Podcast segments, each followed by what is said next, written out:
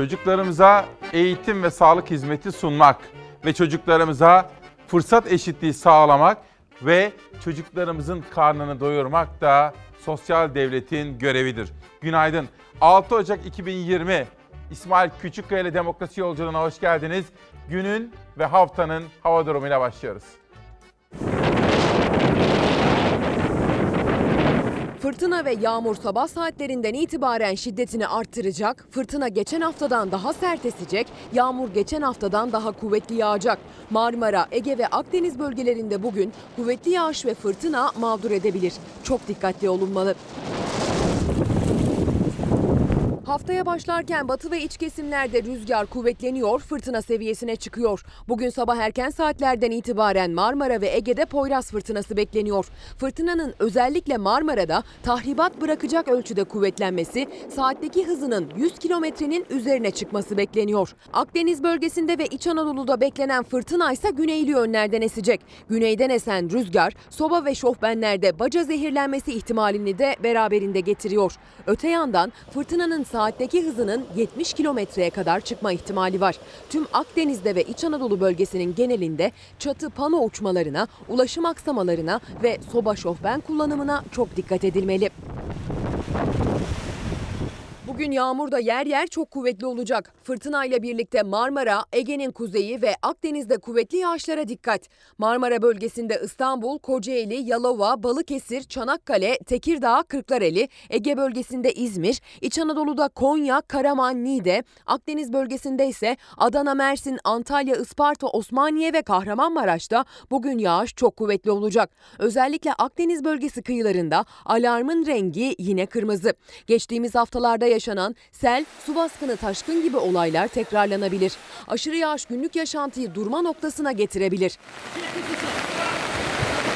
Ege'nin iç kesimlerinde, İç Anadolu bölgesinin genelinde, Batı ve Orta Karadeniz'in yükseklerinde kar yağışı bekleniyor. Öte yandan İç Anadolu bölgesinde de genellikle karla karışık yağmur, yükseklerde ise genellikle kar yağacak.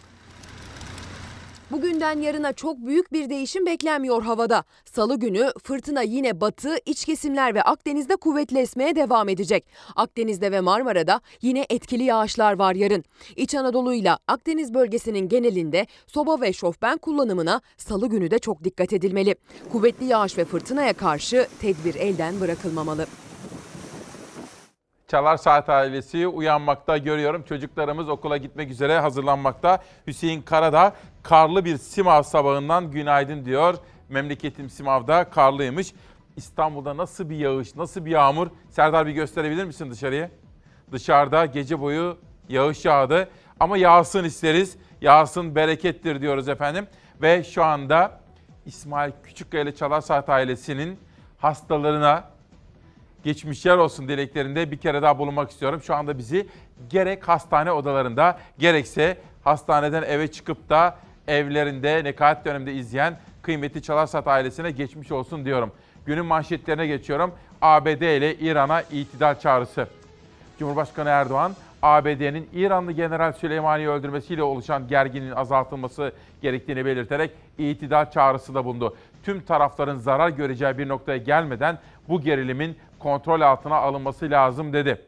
Erdoğan dün televizyonda meslektaşlarımızın sorularını yanıtladı. Pek çok konuda haberler ve manşetler çıktı. Sizlere oralardan parça parça manşetleri seçtik ve haber niteliği taşıyan, haber önemi taşıyan hususları sizlere peyderbey anlatacağız. Hepinizin çok iyi bildiği gibi İranlıların, Amerikalıların karşılıklı açıklamaları ve tehditleri var. Cumhurbaşkanı Erdoğan bu konuda taraflara itidal tavsiyesinde bulundu.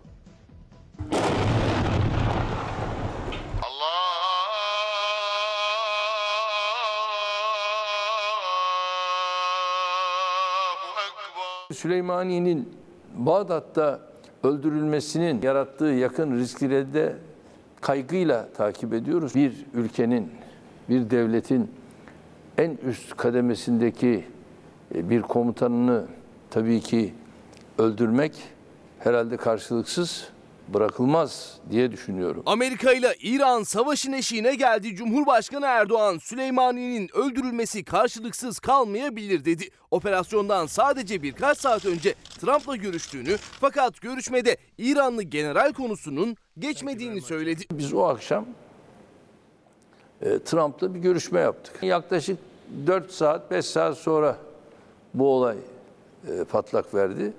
Demek ki yani mesele herhalde hazırlanmış. Biz de tabii haberi bu noktada alınca da hakikaten e, biz de şok olduk. Cuma günü dünyayı tedirgin eden gelişme Irak'ta yaşandı. Amerika Birleşik Devletleri Bağdat Havalimanı yakınında İran Devrim Muhafızları Kudüs Gücü Komutanı Kasım Süleymani'nin de aralarında bulunduğu konvoya saldırı düzenledi. Saldırıda Süleymani öldü, İran savaş bayrağı açtı. Amerika-İran gerginliğinin arzu edilen şekilde çözüme kavuşturulması şu ana kadar maalesef mümkün olamadı. Cumhurbaşkanı Recep Tayyip Erdoğan Amerika ve İran'ı savaşın eşiğine getiren gelişme hakkında kameralar önünde ilk kez konuştu. Türkiye'nin gerilimi düşürmek için çalıştığını vurguladı. Biz Türkiye olarak çok ciddi gayretler gösterdik, hala da gösteriyoruz. Tüm tarafların zarar göreceği bir noktaya gelmeden bu gerilimin bana göre kontrol altına alınması lazım. Erdoğan Süleyman'ın öldürülmesine İran'dan bir yanıt gelebileceğini söyledi. Bu iş burada bitmez dedi. Amerika'nın onu seçmiş olması özellikle e, bölgede ne yazık ki gerginliklerin artmasına vesile olmuştur. Bu, bu iş burada bitmeyecek. Bunun muhakkak bir takip eden süreci de olacak. Cumhurbaşkanı tansiyonun düşmesi gerektiğinin altını çizdi. Trump'a da gerilimi tırmandırma uyarısı yaptığını hatırlattı. Türkiye olarak bölgemizde tabii biz her zaman dış müdahalelere karşı durduk. Ve bu saldırıyı da bu bakışla değerlendirdik. Ben özellikle kendisine İran'la gerilimin tırmandırılmaması telkininde bulundum. Çok tehlikeli ve riskli zamanlardan geçmekteyiz. Bugün işte bu buluşmamızda gün boyu içerisinde sizlere o detaylı gelişmeleri de anlatmaya çalışacağım. Amerika ile İran arasındaki gelişmeleri de parça parça konuşacağız. Ahmet Yıldız gibi kardeşlerim ekonominin durumundan yakınıyorlar. Ekonominin durumu iyi mi acaba diye soruyor Ahmet Yıldız. Bir başkası TCSL'da Amerika'nın Şii ve Sünniler arasında bir mezhep savaşı çıkarmak istediğini belirtiyor. Ekonominin durumu nasıl efendim? İyi mi? Bugün bir simit getirdim. Simit kaç lira biliyor musunuz? 2 lira. Ekmek yer yer bir buçuk, yer yer 2 lira. Gramajına göre, semtine göre. İşte bugün ekonomi gündemini de sizlerle eni konu konuşma imkanı bulacağım. Hürriyet gazetesinde emekli maaşlarına ilişkin haberler var. Az evvel hastalarımıza geçmişler olsun derken onlarla ilgilenen fedakar refakatçilerine, doktor ve hemşirelerine, hasta bakıcılarına teşekkür etmiştim. Bir selamım da şimdi esnaf kardeşim olsun. Onlara hayırlı işler dileklerinde bulunmak isterim. Hürriyetten devam ediyorum kuruşu kuruşuna emekli maaşları. Enflasyon rakamlarının açıklanmasıyla birlikte SSK, Bağkur ve tarım emeklilerinin maaşları netleşti. SSK ve Bağkur emeklileri 2020'de maaşlarını %6,5 zamlı alacak. En düşük SSK emeklisinin aylığı 2111 liraya, en düşük Bağkur emeklisinin aylığı 1889 liraya, en düşük tarım emeklisinin maaşı da 1433 liraya yükselecek. Emeklerin aldığı ek ödeme tutarı 57 lira ile 285 lira arasında değişecek. Bugün sosyal devletin görevidir dedik. Devletin çocuklarımıza eğitim ve sağlıkta fırsat eşitliği sunmak sosyal devletin görevidir. İşte bakın şimdi yanınızda okula gitmek üzere hazırlanan çocuklarımız devletimizin ki anayasamız yazar sosyal devletin görevidir. Ne? Çocuklarımızın karnını doyurmak. Hiçbir çocuğumuz aç ve açıkta kalmasın.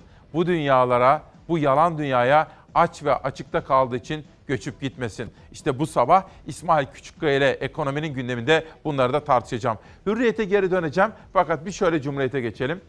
Çekin elinizi öğrencinin cebinden. Bu arada İstanbul Üniversitesi gece bir açıklama yaptı. Öğrenci kardeşlerimizin sesini duyurmaya gayret etmiştik. Duyuruldu ve yemek ücretlerine yapılan zam geri alındı. Gecenin en iyi açıklaması da budur efendim. Çocuklarımız aç kalmasınlar. Tekrar etmek isterim. Son dakika gelişmesini İstanbul Üniversitesi yemek ücretlerine yapılan zammı geri aldı efendim. İstanbul Üniversitesi öğrencileri 3 öğünden tek öğüne inen yemek ücretlerini protesto etmek için geçen hafta başlattığı eylemlerine bu hafta boykotla devam edecek. Tek öğün için 3 lira ödeyen öğrenciler ikinci öğün için 18 lira istenmesine sert tepki gösterdi. Öğrenciler bu karar bizi aç bırakır dedi. Tabii dün sosyal medyada da çok konuşuldu. 1 liram var. Hepsi hepsi 1 liram var. Açım diyen bir çocuğumuz bu yalan dünyadan göçüp gitti efendim. İstanbul Üniversitesi gelen tepkiler üzerine geri adım attı. İyi ki de yaptılar bunu ve yemek ücretlerine yapılan zammı geri aldılar. Öğrenciler olarak aç kalacağız. Ee, bunu bir şekilde rektörlüğe duyurmamız gerekiyor. Günlerce eylem yaptılar, zaman zaman sert müdahaleyle karşılaştılar. Gece saatlerinde üniversite açıkladı. Rektörlük yemek fiyatlarına yaptığı zammı geri çekti. Geçtiğimiz yıl 2 lira 75 kuruştan 3,5 liraya çıkarılmıştı. Geçtiğimiz haftaysa kahvaltı öğünü kaldırıldı, indirimli öğünler 2'den 1'e indirildi. Bir öğün için 3,5 lira ödeyen öğrenci eğer yemekhanede ikinci öğünü yemek isterse 18,5 lira ödemek durumunda kalacaktı. Bu da fiyatın bir anda neredeyse 5 katına çıkarılması anlamına geliyordu.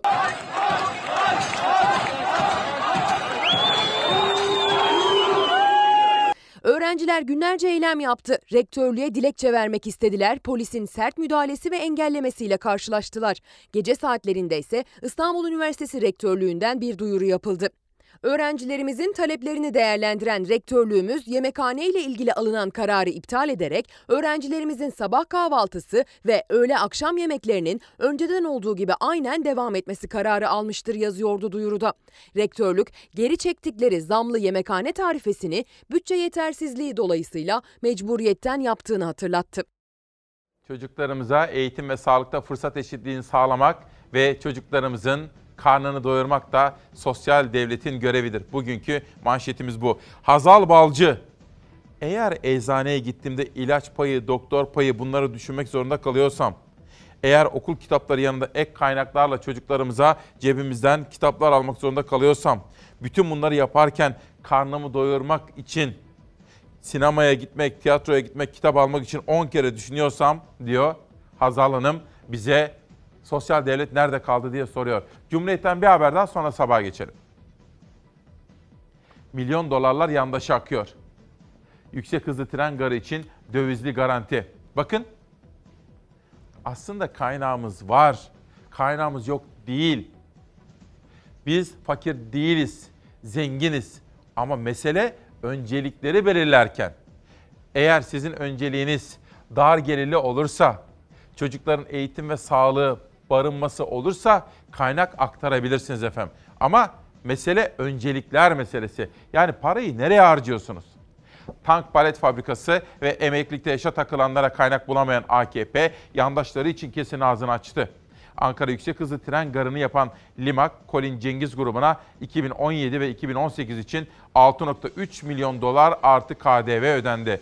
CHP'li Utku Çakırözer proje için halkın cebinden 5 kuruş çıkmayacak dendi. Halkın sırtından döviz bazlı yolcu garantisi ödeniyor dendi.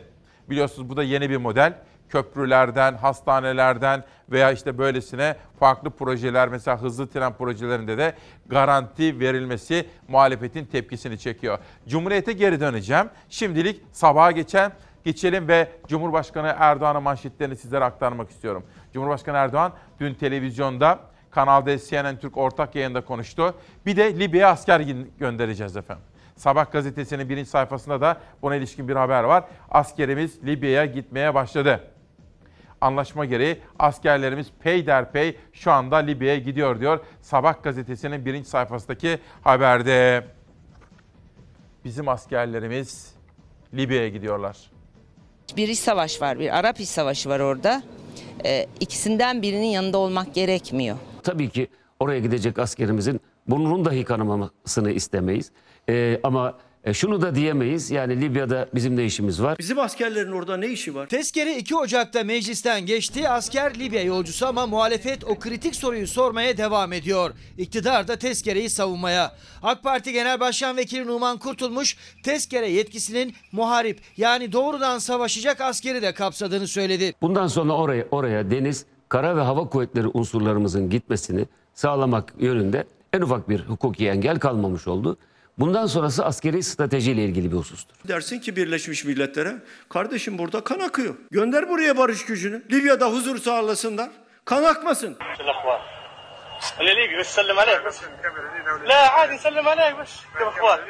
Ben de gördüm.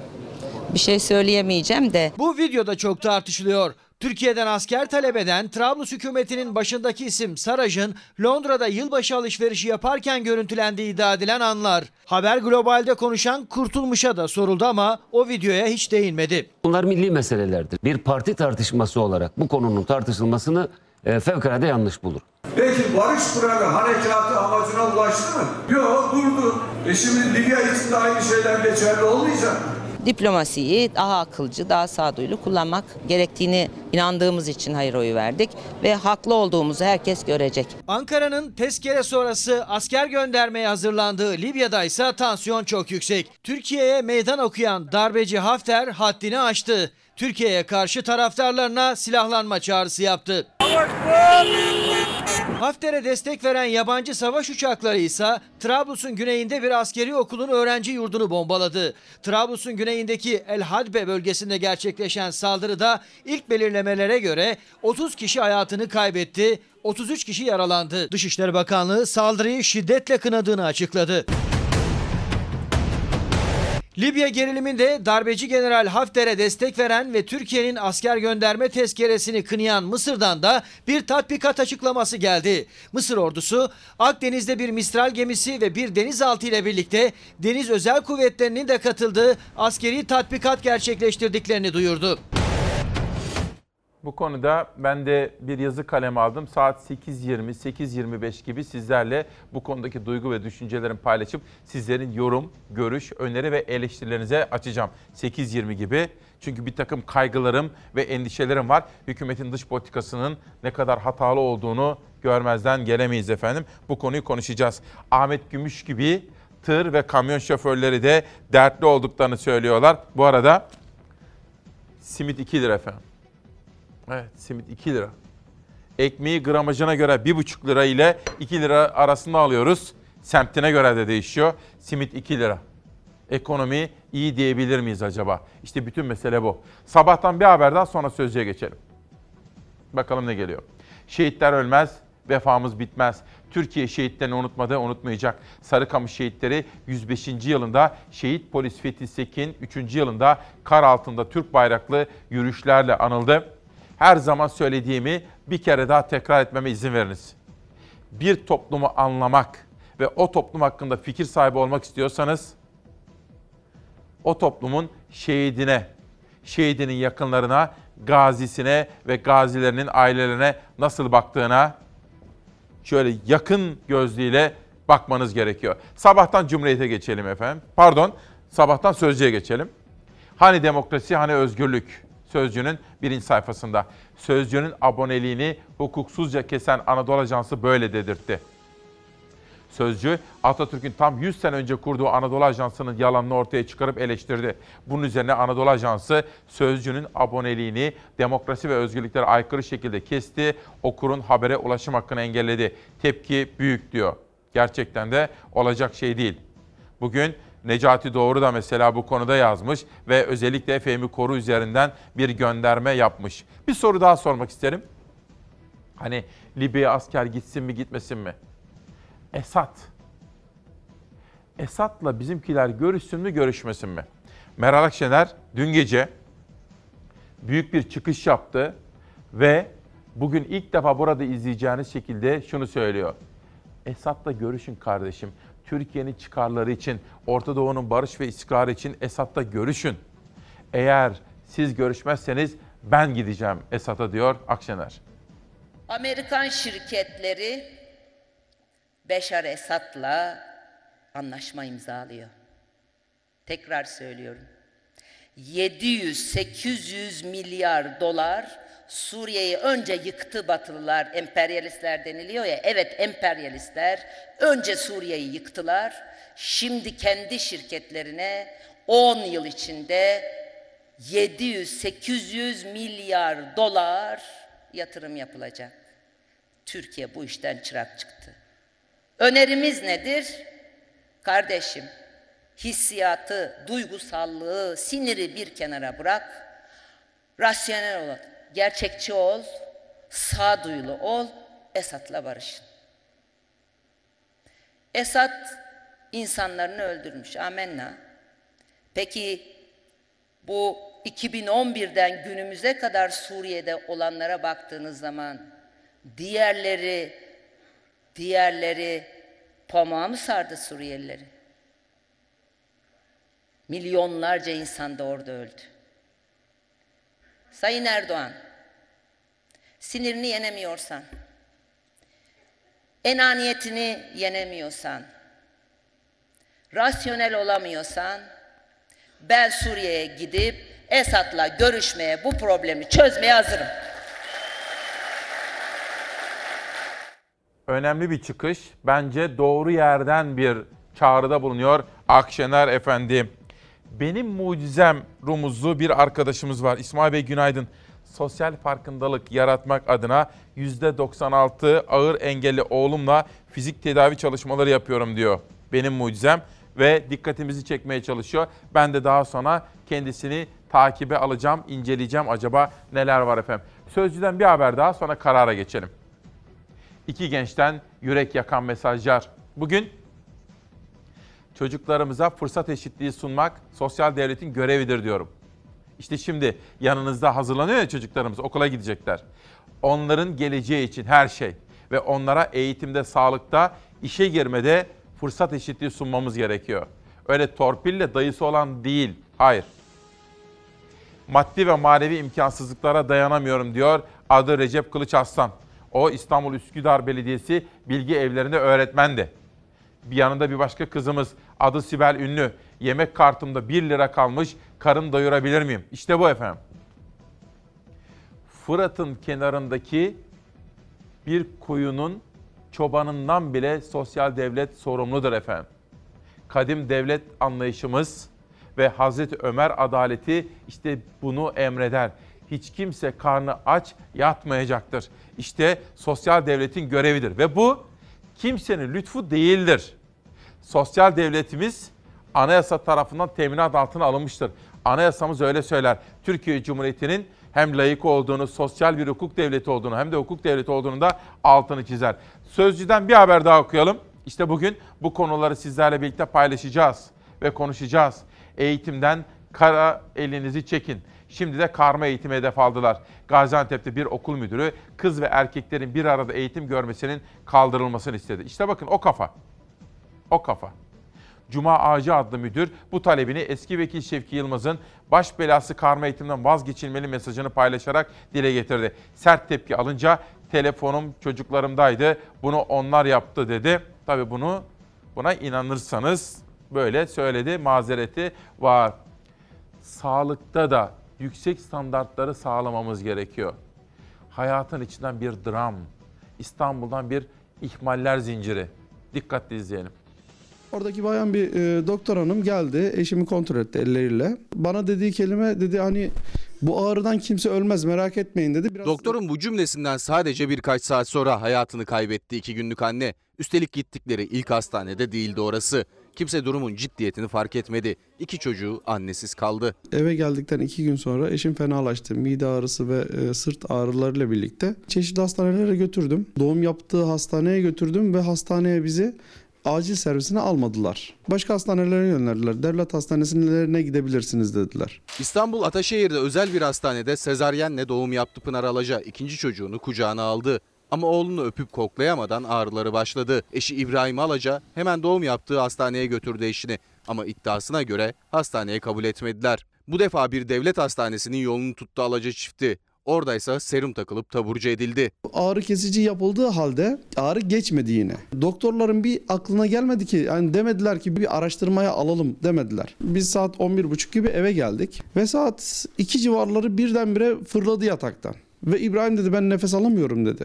Gece yarısı fenalaştığında tekrar aynı hastanenin yolunu tuttu Alaca çifti. Bu defa durumun ciddiyetini fark etti doktorlar. Ama artık çok geçti. Karaciğeri yırtılan kadın ameliyata alındı. Bir anda serum taktılar. Ondan sonra baktılar olmuyor dediler acil kırmızı alan almamız gerekiyor. 20 dakika yarım saat sonra doktor çıktı. Bana dedi eşinin kalbi iki defa durdu ve biz çalıştırdık. Biz acil ameliyat alıyoruz eşine. Ameliyat bittikten yarım saat sonra acı haber geldi. İbrahim Alaca eşinin ölümünde ihmali olanların cezalandırılmasını istiyor. Dediler ki eşinin karaciğerinde yırtılma olmuş. Eşimi yukarı yo- yoğun bakım odasına aldılar. 15-20 dakika sonra bizi çağırdılar içeriye ve ne yazık ki kaybettiklerini kurtaramadıklarını söylediler. Ben onun cezasını çekmesini istiyorum. Çok ağır ve çok acı sabır diliyorum kendisine. İsmail Küçükkaya ile Çalar Saat ailesi uyanmakta. Ali Kılıç. İsmail Bey, Kanal İstanbul mu? Öğrencilerimizin karnını doyurmak mı? Sosyal devletin görevi hangisidir? Çocuklarımıza fırsat eşitliğini sağlamak ve çocuklarımızın karnını doyurmak. Öncelikle sosyal devletin görevi budur efendim. Diyor ve Sözcü'den geçiyorum Karar Gazetesi'ne. Bakın Ali arkadaşımızın söylediği gibi Ekrem İmamoğlu bu konuda bir çıkış yapmış. Kanalı bırak, Samsun Ceyhan'ı yap diyor. İstanbul Büyükşehir Belediye Başkanı İmamoğlu karara konuştu.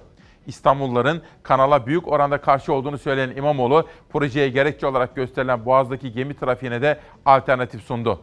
Üzerinde büyük oranda anlaşılan Samsun, Ceyhan petrol boru hattını yapın. Böylece hem tanker trafiği azalır hem Anadolu kazanır. Yıldıray Oğur var, Elif Çakır var. Her ikisi Ekrem İmamoğlu ile görüşmüşler. Bakalım manşetlerde neler söylemişler. Ekrem İmamoğlu diyor ki, anketler yaptırdık. Anketler yaptırdık. İstanbullular Kanal İstanbul'a olumsuz bakıyor. Sorun güvenlikse Kanal İstanbul'dan vazgeçin. Samsun, Ceyhan boru hattını yapalım. Öncelik ne olmalı? Öncelik kentsel dönüşüm olmalı. İmamoğlu şöyle devam ediyor. Yaklaşan deprem riski var. İstanbul'da 50 bin yapı çürük, yüz binlerce insanın canı tehdit altında. Önceliğimiz Kanal İstanbul değil, bu olmalı diyor. Ve tapuya erişimimiz engellendi. Tümüyle kasıtlı. Belli ki bir ayıbın üzerine örtmektir. Cumhurbaşkanı talimat vermeli, bakan bu yanlıştan dönmeli diyor. Fazla PR yani reklam ve halkla ilişkiler yaptığım eleştirileri yapılıyor. 6 Mayıs'ta seçimi iptal ederek aslında benim en büyük PR'ımı yani benim halkla ilişkilerimi bu hükümet yaptı. Erdoğan'ı Fatih ile ikna ederim. Sayın Cumhurbaşkanı'nı Kanal İstanbul için ikna ederim. Fatih Sultan Mehmet bu şehri bize emanet etti. Burası torunlarımıza ait derim diyor. Bence de Bence de Kanal İstanbul şu anda Türkiye'nin öncelikleri arasında değil efendim. Çünkü önceliklerimiz ekonomideki tedbirleri almak, yapısal reformları tamamlamak ve varsa kaynağımız böyle 75 milyar 100 milyarlık kaynağımız fabrikalar kurmak, istihdamı artırmak yani işsizliği azaltmaktır diyorum. Mesela bakın otomotiv sektörü. Otomotiv sektörü alarm zilleri çalıyor. Almak isteyene, duymak isteyene. 2019 yılı sonuçlarına baktığımız zaman aslında 2019 yılının ne kadar yani şu ana kadarki en dalgalı yıl olduğunu görüyoruz. 2018'in e, %35 daralmasıyla beraber 2019 sonunda 479 bin adette tamamlandı. 2018'e göre %23 daralma anlamına geliyor. Otomotiv sektöründe kan kaybı sürüyor. 2017 yılında 1 milyon adede yaklaşan satış 2019'da yarı yarıya düştü. Faiz indirimlerine rağmen satışlar 479 binde kaldı. 2018'e oranla %23 azaldı. 2019'da pazar o 1 milyonluk satışlara göre %50 daraldı ve ikinci yıl üst üste büyük bir daralma yaşandı. Türkiye'de otomotivin altın yılıydı 2017. Sektörün beklentisi 2018'de 1 milyon adedin üzerinde satış yapmaktı. Artan döviz kuru ve faizler 2018'de satışları 620 bin seviyesine düşürdü. Devletten ÖTV desteği geldi ama buna rağmen beklenen satış rakamları yakalanamadı. Sektör küçülmeye gitti. 2019 yılında Türkiye'de araç satışları neredeyse durma noktasına geldi. Toplamda 350 bin adedin üzerinde satış beklenmiyordu. Ama düşen faizler satışları bir nebze de olsa arttırdı. Toplamda 479 bin 60 adet araç satışı gerçekleşti. Satışlar beklentinin üzerinde gerçekleşti ama kan kaybı durmadı. 2020 yılına böyle bir daralmayla girdiğimiz için e, ciddi bir e, öngörü sıkıntısı da yaşanıyor. İşte kimi diyor ki 550 bin olacak, kimi diyor 600 bin olacak. 2019'da ilk 3 ay arayacağız. Eğer yeni teşvikler gelmez ve faiz indirimleri devam etmezse sektör 2020'den de umutlu değil. Uzmanlar yeniden yükselişe geçen döviz kuru nedeniyle satışların daha da azalabileceğini düşünüyor. Bu durumun ilk yansıması da istihdam üzerinde olacak. Ahmet Erkun diyor ki, öğrenci kardeşlerimizin karnını doyurabilmek için özel burslar oluşturalım diyor. Dün Betül, Betül arkadaşımız da dün akşam bizim ana haberimizi izlerken bana böyle bir öneride bulunmuştu. Demek ki böyle bir çalışma yapabiliriz. Bu arada Bahadır Erdem hocamız, o da İstanbul Hukuk'ta, Ocak ayındaki maaşını 10 bin lirasını İstanbul Üniversitesi'ndeki çocukların karnı doyurmak için bağışlamış. Sosyal medyadaki paylaşımlarından gördüm efendim. Hocamıza gösterdiği bu duyarlılık için teşekkür ediyorum. Ama çocuklarımızın karnını doyurmak sosyal devletin görevidir diyorum. Ve Yılmaz arkadaşım da bana şiddetten bahsediyordu. Çok teşekkür ediyorum. Dün annemle birlikte Pera Müzikali'ne gittik. Orada Cüneyt Arkın geldi. Gönül Yazar geldi. Orada Müjdat Gezen geldi. Her birinin mesajlarında çiçeğe, hayvanlara, çocuklara, doktora, hemşireye, kadına, hayatın her alandaki şiddete karşı alınması gereken tedbirler ve verilmesi gereken mesajlar vardı. Tiyatro oyunun içerisinde o kadar anlamlı yerlerde verdiler ki bu mesajlarını insan olan şiddete başvurmaz. İşte Müjdat Gezen ve Cüneyt Arkın peş peşe bu açıklamaları yaptı. Bir dakika. Böyle bir haberimiz vardı efendim.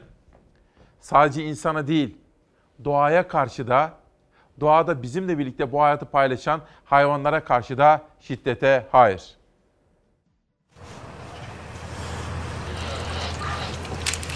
Paçalarını sıyırdı, buz gibi suya girdi. Güvenlik görevlisi suda dolmak üzere olan köpeği kurtardı. Görüntüler bu kez hayvana şiddet değil şefkat içeriyor. Burası Ankara Gençlik Parkı. Gel.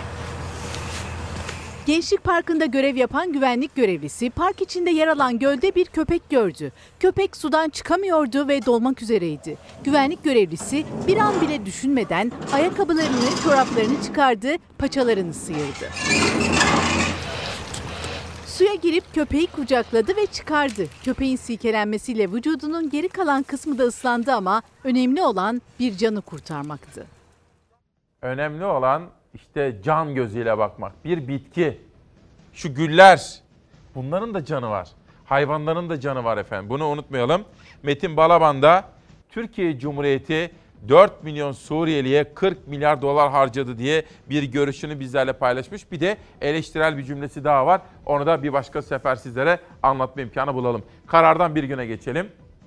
Bu adaletsizlik kahrediyor. Bir azınlık para içinde yüzüyor, halkın çocukları mezara giriyor.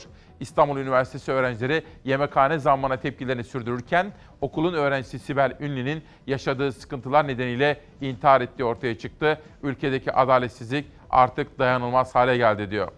Sosyal devlet. Bugün üzerinde durmamız gereken kavram bu. Yanınızdaki çocuklarınız için sosyal devlet. Bir de ekonomi haberi vardı bir günde. Farklı bir bağlamda onu da sizlere sunmak istiyorum. İşsizlik artışı bir yılda 55 ilin nüfusunu geçti. Son bir yılda işsizler ordusuna eklenen yurttaşların sayısı 55 ilin nüfusunu geride bıraktı. CHP'li vekiller meclis araştırması talep etti. Hüseyin Şimşek imzalı haber işte bize bunu söylüyor. Efendim şöyle, eğer gerçekten bizim 75 milyarımız varsa eski parayla 75 katrilyon Kanal İstanbul'a harcayacağımız yerde geçen hafta söylemiştim ama fabrikalar kuralım. Gidelim mesela Diyarbakır'a bir tane fabrika kuralım. Şanlıurfa'ya. Gelelim Sivas'a. Kastamonu'ya. İnelim Akdeniz'e doğru Mersin'e bir fabrika kuralım mesela. Gelelim Kütahya'ya. işsizlik almış başına gidiyor. Gelelim Trakya'ya. Birer fabrika kuralım efendim. Böylece %25'leri aşan genç işsizlik oranını bir nebze olsun çözmeye çalışırız. Bir günden bir sonraki gazeteye geçelim. Bakalım neler var. Az evvel sizlere sunmuştum. Seni yerine Esat'la ben görüşürüm diyen Meral Akşener'in sözleri Yeni Çağ'ın birinci sayfasında. İyi Parti lideri Akşener, batılı şirketlerin Suriye'de yaptıkları anlaşmalarla milyar dolarlık kazançlar elde ettiklerini belirterek Cumhurbaşkanı Tayyip Erdoğan'a çağrı, tarihi bir çağrıda bulundu. Esad'la görüşün kardeşim dedi. Esad'la anlaşın. Esad'la görüşüp anlaşmak, işbirliği yapmak Türkiye'nin de ve Suriye'nin de çıkarlarınadır. Eğer dedi bunu yapmazsanız ben hazırım gider Esad'la görüşürüm dedi Meral Akşener. Yönetmenimden şöyle rica edeyim dışarıya şöyle bir bakalım. Acaba 6 Ocak 2020 Pazartesi sabahında İsmail Küçükkaya Demokrasi Meydanı'nda nasıl bir gün, bugün ve hafta nasıl bir hava durumu bizi bekliyor? Şimdi onu izlemenin ve anlamanın tam zamanı.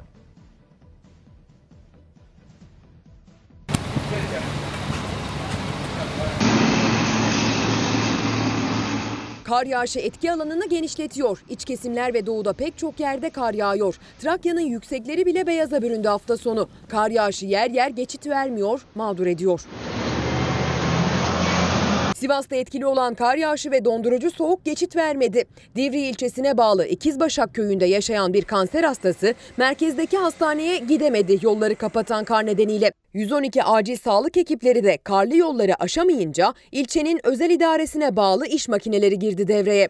Yollarda biriken kar temizlendi. Seyit Gazi Öztürk'e hastane yolunda karla mücadele ekipleri eşlik etti. Sivas'ta ve bölge genelinde toplam 280 yerleşim yerinin kar nedeniyle ulaşımının durduğu açıklandı. İmranlı ilçesinde doğan ve Karadeniz'e dökülen Türkiye'nin en uzun ırmağı Kızılırmak'ta buz tuttu. Gün içinde bile sıfırın altında 3 dereceye kadar düşen sıcaklıklar gece saatlerinde eksi 10 dereceye kadar düşüyor. Yerde biriken kar bile buz tutuyor. Karadeniz'in yüksekleri de beyaza büründü. Giresun'un yüksek kesimlerinde kar kalınlığı neredeyse yarım metreye ulaştı. 2200 rakımlı Eğribel geçidinde iki gündür aralıksız devam eden kar yağışı toplam 88 köyün dünya ile bağlantısını kesti. Trakya'nın yükseklerinde de beyaz örtü oluşmaya başladı. Kırklareli'nin yüksek kesimlerinde kar yağışı başladı. Demirköy ilçesinin Mahyatepe mevkiinde yerde beyaz örtü oluştu. Edirne'nin de yüksek kesimlerinde az da olsa beyaz örtü oluşturacak kadar kar yağışı var. Emekliye ilişkin bir haber daha. Bu arada Hamit Bey de şu anda hastane odasından bizi izliyormuş. Bir kere daha hastanelere veya evine çıkan hastalarımıza geçmiş olsun diyorum. Lütfen dikkatle takip ediniz. Bir insan ve onun yaşadığı gerçeklik sizin gerçekliğiniz. İsmail Bey günaydın. Bana kendini tanıtıyor. Ben diyor zamanında İzmir'de vapurda haberleri sunarken yanınıza davet ettiğiniz Yelkenci Levent'in babasıyım. Sizden ricam lütfen gündeme getirin. Sizin dışınızda sesimiz kim olacak? Genel sağlık sigortası ile ilgili ben dahil mağdur olan milyonlarca insan var. Bizim mağduriyetimizi dile getirin. Suriyelilere para var, patronlara, kendi yandaşlarına para var. Kanal İstanbul'a var da bize neden para yok? Genel sağlık sigortası ve bizim her türlü hakkımız elimizden alındı diyor bakın. Ve Yeni Çağ Gazetesi'nden bir haber emekliye seyyanen zam çağrısı.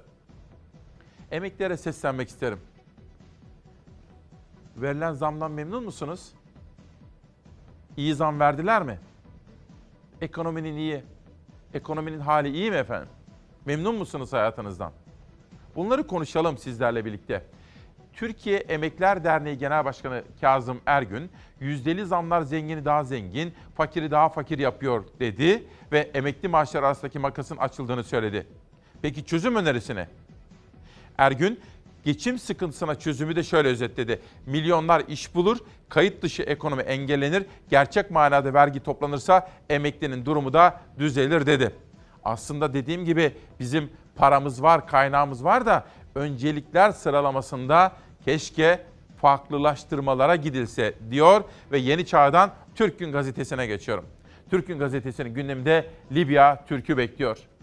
Dün Cumhurbaşkanı Erdoğan da söylediği gibi askerimiz Peyder Bey Libya'ya gitmeye başladı. Ben de bunu düşündüm. Çünkü bugünlerde nereye gitsem, kiminle buluşsam, kiminle karşılaşsam bana bunu soruyor. Bizim askerimiz Libya'ya gidiyor. Ne olacak? Libya'da bizim askerimiz ne yapacak? Biz neden gidiyoruz? Şeklindeki sorular peş peşe geliyor. Ben de oturdum bilgisayarın başına bu konuda bir yazı kalem aldım size. Biraz sonra onu da anlatma imkanı bulacağım. Ancak hava durumuna hazır haftanın ilk gününe girmişken İstanbul'da böyle bereketli yağışları almaya başlamış iken hava durumuna biraz daha yakından bakmanın tam zamanı. Fırtına ve yağmur sabah saatlerinden itibaren şiddetini arttıracak. Fırtına geçen haftadan daha sert esecek. Yağmur geçen haftadan daha kuvvetli yağacak. Marmara, Ege ve Akdeniz bölgelerinde bugün kuvvetli yağış ve fırtına mağdur edebilir. Çok dikkatli olunmalı. Haftaya başlarken batı ve iç kesimlerde rüzgar kuvvetleniyor, fırtına seviyesine çıkıyor. Bugün sabah erken saatlerden itibaren Marmara ve Ege'de Poyraz fırtınası bekleniyor. Fırtınanın özellikle Marmara'da tahribat bırakacak ölçüde kuvvetlenmesi, saatteki hızının 100 kilometrenin üzerine çıkması bekleniyor. Akdeniz bölgesinde ve İç Anadolu'da beklenen fırtına ise güneyli yönlerden esecek. Güneyden esen rüzgar, soba ve şofbenlerde baca zehirlenmesi ihtimalini de beraberinde getiriyor. Öte yandan fırtınanın saatteki hızının 70 kilometreye kadar çıkma ihtimali var. Tüm Akdeniz'de ve İç Anadolu bölgesinin genelinde çatı pano uçmalarına, ulaşım aksamalarına ve soba şofben kullanımına çok dikkat edilmeli. Bugün yağmur da yer yer çok kuvvetli olacak. Fırtına ile birlikte Marmara, Ege'nin kuzeyi ve Akdeniz'de kuvvetli yağışlara dikkat. Marmara bölgesinde İstanbul, Kocaeli, Yalova, Balıkesir, Çanakkale, Tekirdağ, Kırklareli, Ege bölgesinde İzmir, İç Anadolu'da Konya, Karaman, Niğde, Akdeniz bölgesinde ise Adana, Mersin, Antalya, Isparta, Osmaniye ve Kahramanmaraş'ta bugün yağış çok kuvvetli olacak. Özellikle Akdeniz bölgesi kıyılarında alarmın rengi yine kırmızı. Geçtiğimiz haftalarda yaşanan sel, su baskını, taşkın gibi olaylar tekrarlanabilir. Aşırı yağış günlük yaşantıyı durma noktasına getirebilir. Ege'nin iç kesimlerinde, İç Anadolu bölgesinin genelinde, Batı ve Orta Karadeniz'in yükseklerinde kar yağışı bekleniyor. Öte yandan İç Anadolu bölgesinde de genellikle karla karışık yağmur, yükseklerde ise genellikle kar yağacak.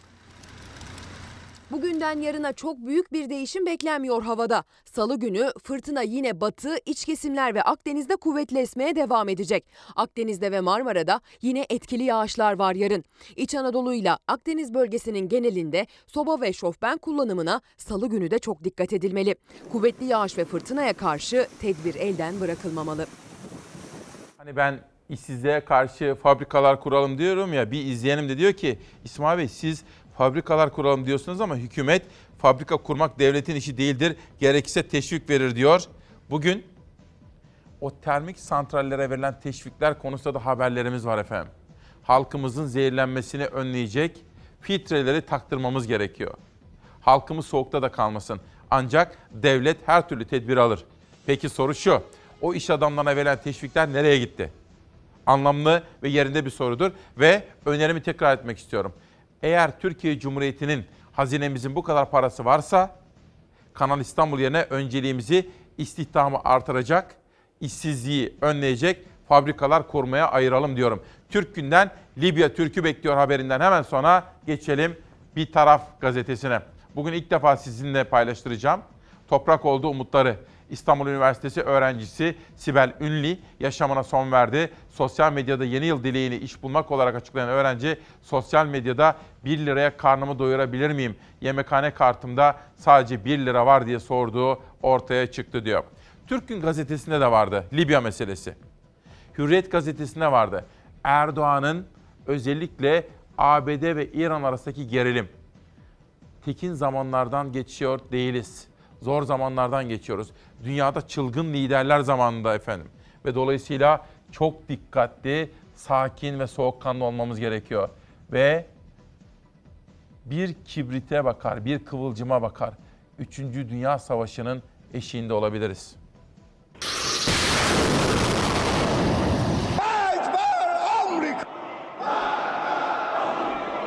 General Süleymani suikasti sonrası İran parlamentosunda Amerika'ya ölüm sesleri yükseldi.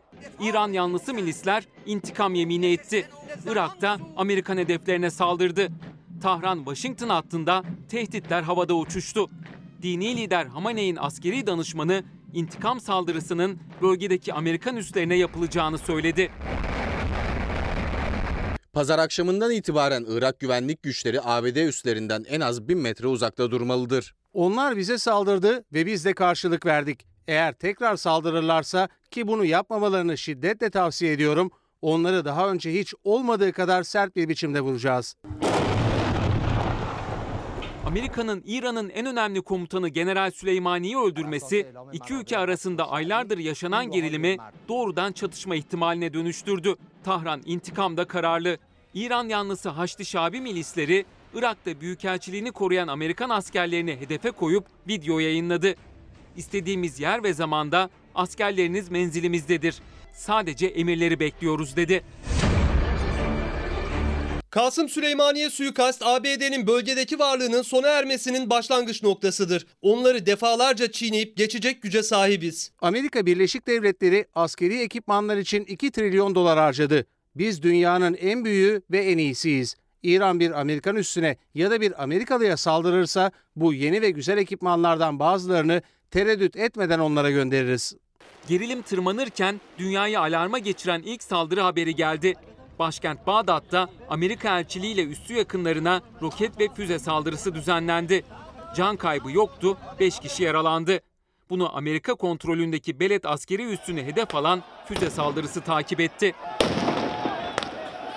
Saldırıların hemen ardından Amerika'nın geçtiğimiz hafta bombaladığı İran destekli Hizbullah tugaylarından tehdit geldi. Örgüt, Irak askerlerinden Amerikan üslerine en az bir kilometre uzakta konuşlanmalarını istedi. Bir tehdit mesajı da İran'dan yükseldi. Devrim muhafızları bölgede 35 Amerikan üssünün hedefte olduğunu duyurdu. İsrail'in başkenti Tel Aviv'in de listede yer aldığını açıkladı. Yanıt Amerika Başkanı Trump'tan geldi. Eğer İran saldırırsa İran ve İran kültürü için 52 hedef belirledik. 52 rehineyi temsilen 52 hedefi vururuz. Trump korkakça işlediği terörle uluslararası hukuku tüm boyutlarıyla ihlal etmiştir. Şimdi uluslararası hukuku bir kez daha ihlal etmekle tehdit ediyor. Kültürel alanları hedef almak savaş suçudur. Trump gönderme yaptığı 52 rehine ile 1979'da Tahran'da öğrencilerin işgal ettiği Amerikan elçiliğindeki rehineleri hatırlattı. İran'ın intikam tehditleri sürerken Washington'dan savaş hamlesi geldi. Pentagon bölgede 60 bini bulan asker sayısını arttırma kararı aldı. Bir amfibi gemisini 2000 askerle bölgeye doğru yola çıkardı. Ayrıca 3000'den fazla asker de kuvvet yolunda. Amerika Birleşik Devletleri çok tehlikeli bir savaşa girdi. Artık bizim ağır cevabımızı beklemeleri gerekiyor. Amerika Birleşik Devletleri Tahran ile askeri çatışmaya girecek cesaretten yoksun. Amerika'da ise Başkan Trump'a tepki var. Washington ve New York'ta yüzlerce kişi sokağa çıktı. İran'la savaşa hayır dedi. Amerikan askerlerinin Irak'tan çekilmesini istedi. Sadece Amerika değil, İngiltere de bölgedeki varlığını artırıyor. Londra, İran'ın hedefindeki Hürmüz Boğazı'na iki savaş gemisi gönderme kararı aldı. Avrupa Birliği ise savaşı engellemek için son bir adım attı. İran Dışişleri Bakanı Cevat Zarif'i Brüksel'e davet etti. İran'ın dini lideri Ayetullah Ali Hamene'in askeri danışmanı Amerikan haber kanalı CNN'e konuştu. Washington'ın eylemleriyle orantılı bir cevabı kabul etmesi gerektiğini söyledi. İntikam cevabının hedefinde askeri üslerin olduğunu belirtti. Amerika ile savaş istemiyoruz ama gerekirse savaşırız dedi. Neden tedirgin oluyorum biliyor musunuz? Dünyada böyle bilge liderler, akıllı liderler kalmadı ki. Çılgın liderler zamanı. Kimin ne yapacağını bilmek, kestirmek mümkün değil. Normalde sağduyu hakim gelir, savaş olmaz dersiniz. İyimsersinizdir, ben iyimserimdir. Fakat şimdi korkuyorum artık çünkü dünyaya bir bakıyorum, çılgın liderler zamanı. Kimin ne yapacağı kestirilebilir değil. Bu arada çok farklı haberleri de sizlere sunmaya çalışıyorum. Bakın Independent Turkish İstanbul'da simit fiyatlarına zam geldi diyor. Dün ben de bir simit aldım. Simit 2 lira. Vay anam vay 2 lira. Ekmek kaç lira biliyor musunuz? Semtine göre 1,5 lira ile 2 lira arasında değişiyor. Gramajına göre de değişiyor. Zam yapmak istemeyenler tepki nedeniyle gramajı azalttılar ve aynı fiyata satıyorlar. Ama aslında yine de zam gelmiş oldu efendim. Hayat gerçekten zor, zor. Geçinmek çok zor. Sosyal medyanın manşetlerine bir bakalım. Bu arada bir soru soracağım size. Libya askerimiz gidiyor. Cumhurbaşkanı Erdoğan dün Kanal D CNN Türk ortak yayınında peyderpey askerlerimiz Libya'ya gitmeye başladı diyor. Ne düşünüyorsunuz? İyi oldu mu? İyi olacak mı? Buna ilişkin bir haberim var. Alev Gürsoy, Kanal İstanbul televizyon kanalı değil. Bunu insanlara anlatamadık. Yemin ederim kanalı açılacak yeni bir televizyon zannedenler var. İyi anlatmalı. Kanala ihtiyaç var diyenler de ihtiyaç yok diyenler de iyi anlatmalı. Hani Kanal İstanbul diyoruz ya. Yurdum insanının bir kısmı Kanal İstanbul deyince yeni bir televizyon kanalı zannediyorlarmış. Geçelim. 4 ay önce yine Sorgun, Yeni Çeltik'te işçiler maaş alamadıkları için eylem yapmışlardı ve maden işçilerinin sorunları gündeme taşımıştı. Şimdi yıl sonu itibariyle Sorgun'da maden ocağı kapatıldı. 135 işçi işsiz kaldı. Bugün emekçiye ilişkin alın teriyle hayatını kazananlara ilişkin madenciye dair de haberlerim var efendim İsmail Küçükkaya ile Demokrasi Meydanı'nda. Almanya'da emekli maaşı enflasyondan iki kat fazla arttı. Almanlar bizi çok kıskanıyor diyor ironi dolu mesajında Zeynep Gürcanlı. Konu ne olursa olsun televizyonlardaki tartışma programlarına çıkan çağrılan insanlar hep aynı.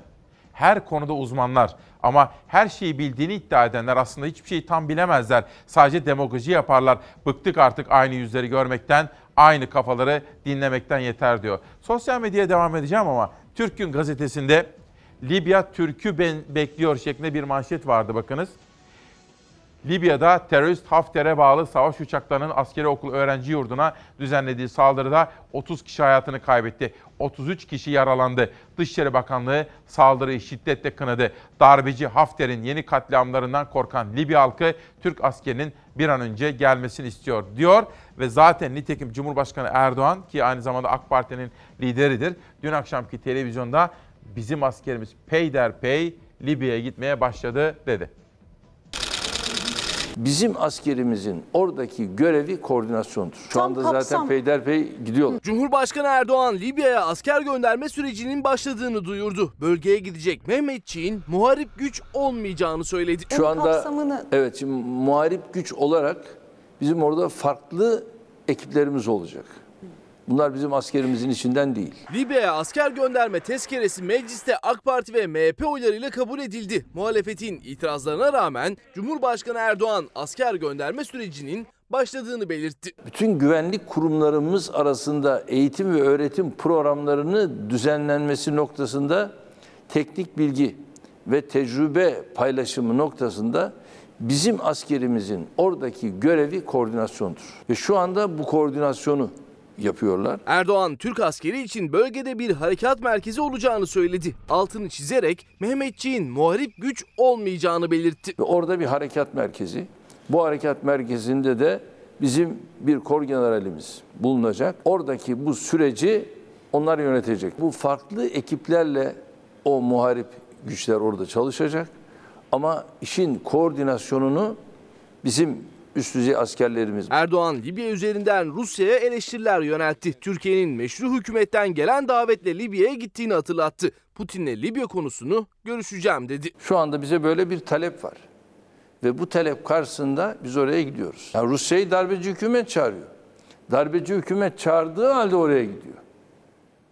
İşte asıl lejyoner onlar.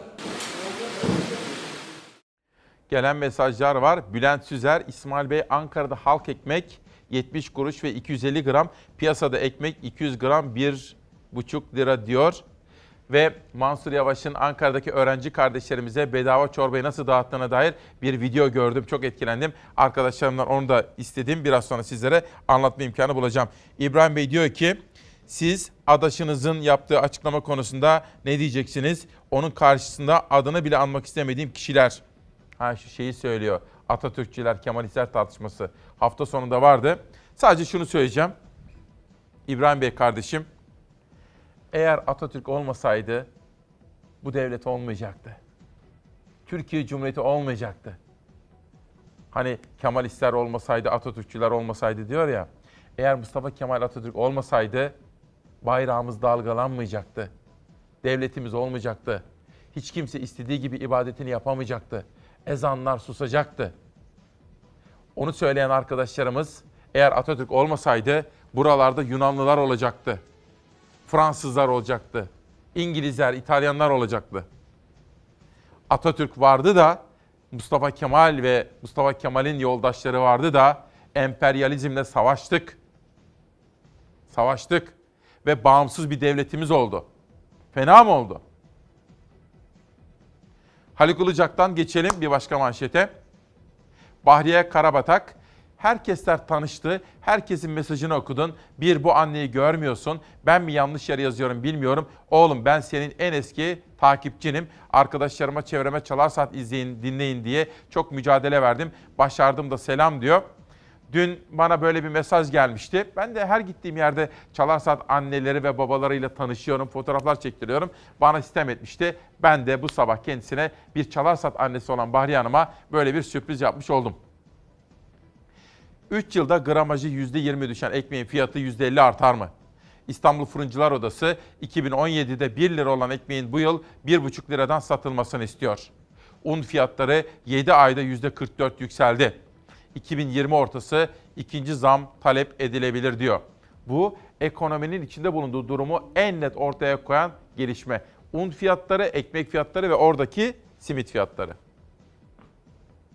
Türkiye'nin toplam döviz rezervinin dış borcuna oranı %16. Dünya Bankası verilerine göre bu en çok gelişmekte olan ülke ekonomileri arasında en düşük olan. Yani efendim bizim döviz rezervimiz yeterli miktarda değil. Azaldı. Ve dış borcumuza oranı %16. Son derece düşük olduğu belirtiliyor. Yani bizim yeterli dövizimiz maalesef yok.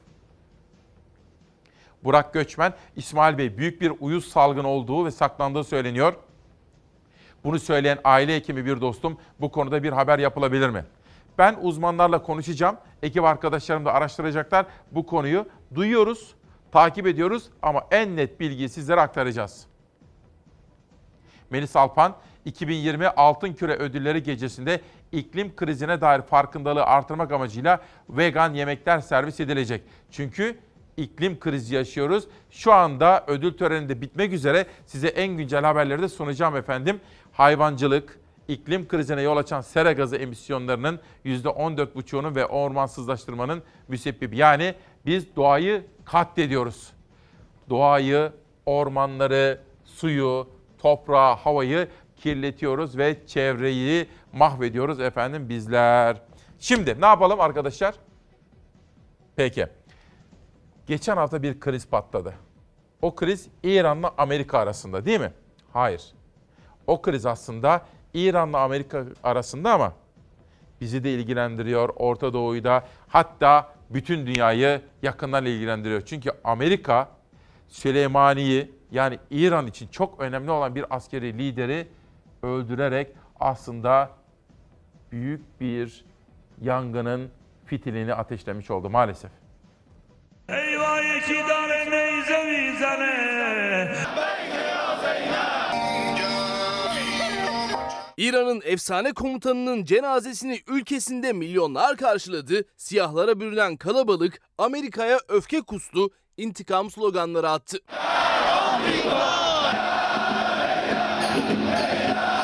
Tahran'ın son 10 yılda Orta Doğu'da attığı adımları yöneten General Süleymani Amerika'nın hava saldırısıyla öldü. İran Devrim Muhafızları Ordusu'na bağlı Kudüs gücü komutanı olan Süleymani için ilk tören Irak'ta başkent Bağdat'ta yapıldı. İranlı komutanın cenazesi kamyonetle Şiiler için önemli olan türbelere götürüldü. İran'ın yaşayan efsanesi olarak kabul edilen General Süleymani'nin naaşı daha sonra helikopterlerle Kerbela ve Necef'e taşındı. Şiilerin kutsal türbelerinde dolaştırıldı. Cenazeyi binlerce kişi karşıladı. Dualarla birlikte intikam yeminleri edildi. Süleymani'nin cenazesi dün sabah İran'ın güneybatısındaki Ahvaz kentine götürüldü. Yine yüz binlerce kişi Kasım Süleymani'nin naaşını karşılamak için sabah erken saatlerde sokağa çıktı, yolları, köprüleri, meydanları doldurdu. İranlı komutanın fotoğraflarını taşıyan kalabalık sık sık Amerika karşıtı sloganlar attı. Tahran yönetimine intikam çağrısı yaptı. Tören sonrası cenaze Meşet kentine götürüldü.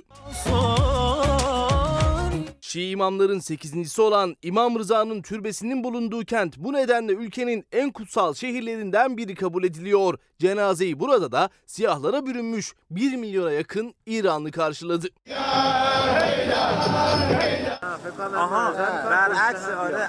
Meşet'teki törenden sonra Süleymani'nin naaşı gece saatlerinde başkent Tahran'a götürüldü. Havalimanında bekleyen kalabalık Süleymani'nin tabutuna çiçekler attı, dualar etti.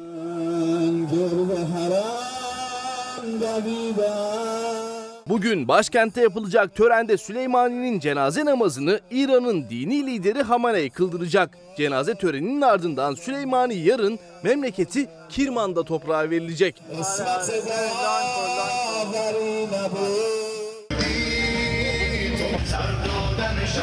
Bu arada İranlı generalin ölümüyle ilgili ilginç detaylar ortaya çıktı. Irak Meclisi'nin ülkedeki Amerika varlığını bitirmeyi görüştüğü oturumda konuşan Başbakan Abdülmehdi, Kasım Süleymani'yi kendisinin davet ettiğini söyledi. General Süleymani'nin İran ve Suudi Arabistan arasında tansiyonu düşürme amaçlı Tahran'dan mesaj getirdiğini anlattı. Amerika'nın suikastiyle mesajın Riyad'a ulaşmasının engellendiğini belirtti.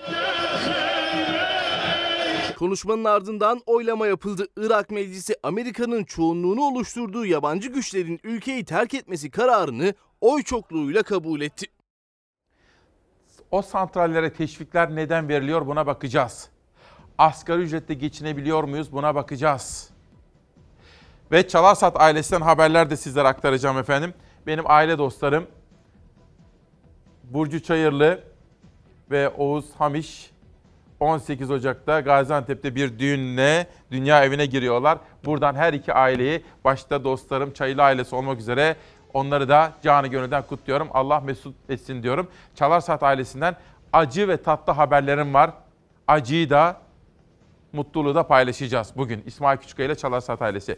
İzmir gazetesi 9 Eylül şehitler anılıyor.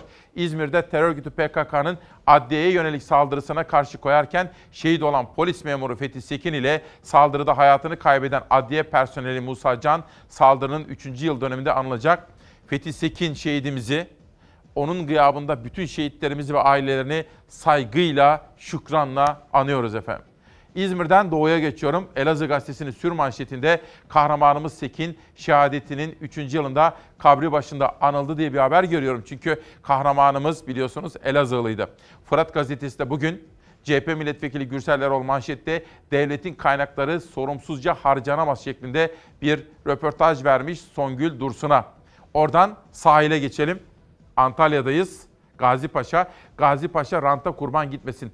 CHP'li mimar Esin Bilgiç bugünkü toplantı öncesi meclis üyelerine çağrıda bulundu. Gazi Paşa'yı mahvetmeyelim, ranta kurban gitmesin diyor. Oradan flash haber Sinop'tayım. İsmail Değer Sinop hamsi yatağıydı şu anda hamsi yok diyor. Hamsinin birkaç hafta öncesinde Gürcistan'a kaçmasıyla Karadeniz'e hamsi yatağı olan Sinop şimdi hamsiyi dışarıdan alıyor. Sinop'ta hamsiyi ara ki bulasın. Kuzeyden doğuya Diyarbakır'a geçiyorum. Çiftlik Bank Diyarbakır'da 20 milyonluk vurgun. Diyarbakır'ın Silvan ilçesinde büyükbaş hayvan çiftliği kuran iki kardeşin piyasadan topladıkları yaklaşık 20 milyon lira ile kayıplara karıştığı iddia edildi. Olay akıllara Çiftlik Bank vurgununu getirdi. Arkadaşlarımız gece boyu bir önemli ödül töreninde takip ediyorlar. Çünkü Oscar ödüllerinin habercisi, müjdecisi, işaret fişiği olarak tanımlanıyordu. Golden Globe, Altın Küre. Hazır mıyız arkadaşlar? Verelim. And the Golden Globe goes to Sam Mendes, Joaquin Phoenix, Renee Zellweger. Oscar'ın habercisi Altın Küre bu yıl 77. kez sahiplerini buldu. Joker 1917 ve Marriage Story'nin öne çıktığı ödüllerde en iyi film 1917 olurken en iyi erkek oyuncu ödülünü Joker'deki performansıyla Joaquin Phoenix aldı. Renee Zellweger ise Judy Garland'ı oynadığı Judy filmiyle en iyi kadın oyuncu ödülüne layık bulundu. 77.si gerçekleşen Altın Küre ödüller öncesi şıklık yarışına sahne oldu. Kırmızı halıda boy gösteren ünlü oyuncular kıyafetleriyle basının ilgi odağı haline geldi.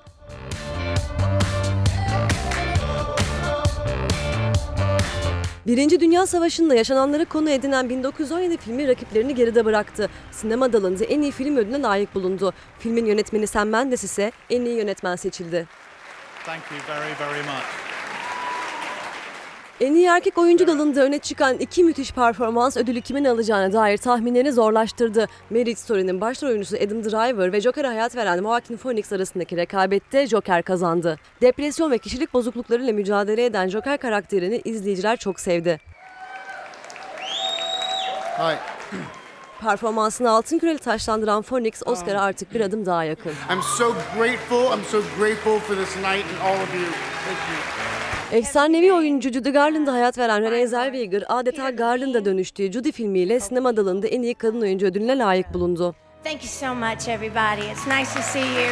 I'm honored. Thank you. Bir zamanlar Hollywood'da filmindeki performansıyla Brad Pitt en iyi yardımcı erkek oyuncu dalında ödülü kucakladı. Altı dalda adaylığı bulunan Marriage Story tek dalda ödül aldı. Sinema dalında en iyi yardımcı kadın oyuncu Marriage Story'deki rolüyle Laura Dern'in oldu. Bu anlamlı ve prestijli, değerli bir ödül töreni. Başkaca detaylarım da var efendim. Biz İsmail Küçükkaya ile Çalarsat ailesi Mustafa Holoğlu Sevdam İstanbul isimli kitabını bana yollamış, imzalamış ve kendisine de çok teşekkür ediyorum efendim.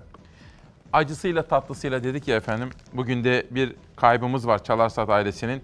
Bizi de her sabah izler idi. Yücel Çelik, Doğuş grubunun kurucularından bir tanesidir. Ve rahmetli Ayhan Şahink'in sağ koluydu. Ben de şahsen tanıdım. Çok uzun zaman sohbetler etmiştim. Uzun zamandır hastaydı.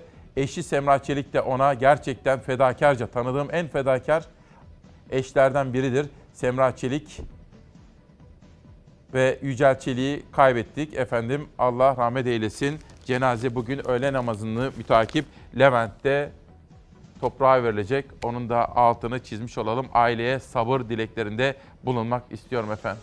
Financial Times gazetesi bugün dünyanın manşetlerinde Amerika'nın öldürdüğü İranlı komutan Süleymani var. Ve burada Irak'ın bizim topraklarımızdan Amerikalılar dahil herkes çekilsin şeklindeki açıklamaları. Bir, manşetlerde bu var. İki, bakın Amerikalıların o topraklardan çekilmesi. İki, İran'ın karşılık vereceğiz şeklindeki tehditleri ve nükleer anlaşmanın artık ölü hale gelmesi. Financial Times gibi The Guardian gazetesinde de büyüyen baskılar var. Trump üzerinde de bir baskılar var ve bu Süleymani neden öldü? Neden öldürüldü? Trump seçime giderken seçimi kazanmak için dünya savaşını gözlem aldı. The Guardian'da işte böylesine manşetler var. Oradan Independent'a geçeceğim.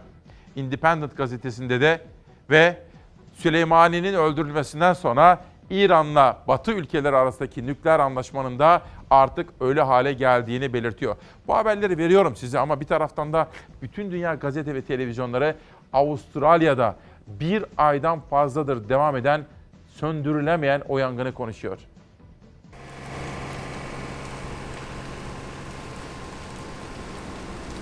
The fires are not over. The crisis is not over. Avustralya'daki yangınlar insan hayatını her geçen gün daha çok tehdit ediyor. Doğal yaşamı yok etmeye devam ediyor. 100 farklı noktada çıkan yangınlarda 24 kişi hayatını kaybetti. Milyonlarca hayvan telef oldu. Yangının aktif olduğu bölgelerde ara ara yağmur görülse de oluşan rüzgarlar alevleri yayıyor. Aylardır önüne geçilemeyen yangınlarla büyük bir trajedi yaşanıyor. Avustralya'da milyonlarca hektar alan yandı. Ülke tarihinde ilk defa yangınla mücadele etmesi için 3000 asker göreve çağrıldı. Yangınlardan sorumlu tutulan ve hiçbir önlem almadığı için eleştirilen Başbakan Scott Morrison daha çok bedel ödeyeceğiz dedi. Um, Aylar geçti. Özellikle Tazmanya Adası ve Victoria eyaleti için konuşmak gerekirse Ocak ve Şubat ayları daha zor bir sezon geçirecek. Daha gidecek çok yolumuz var. Üzülerek söylemeliyim ki bu facianın bedeli daha da artacak. Yangının kontrol altına alındığı alanlarda ortaya çıkan manzaralar yürekleri parçaladı. Telef olan hayvanlar, kül olmuş ağaçlar, doğal yaşamın ve canlıların nasıl yok olduğunu en acı tabloyla gözler önüne serdi.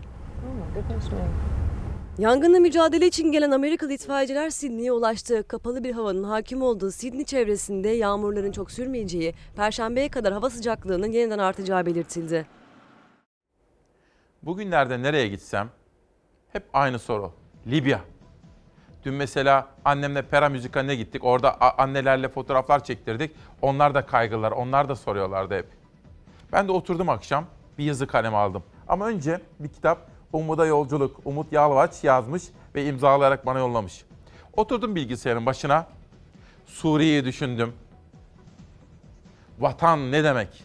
Vatansız kalmak ne demek? Libya'yı düşündüm. Ve sizin yorum, görüş, öneri ve eleştirilerinizi açıyorum şimdi.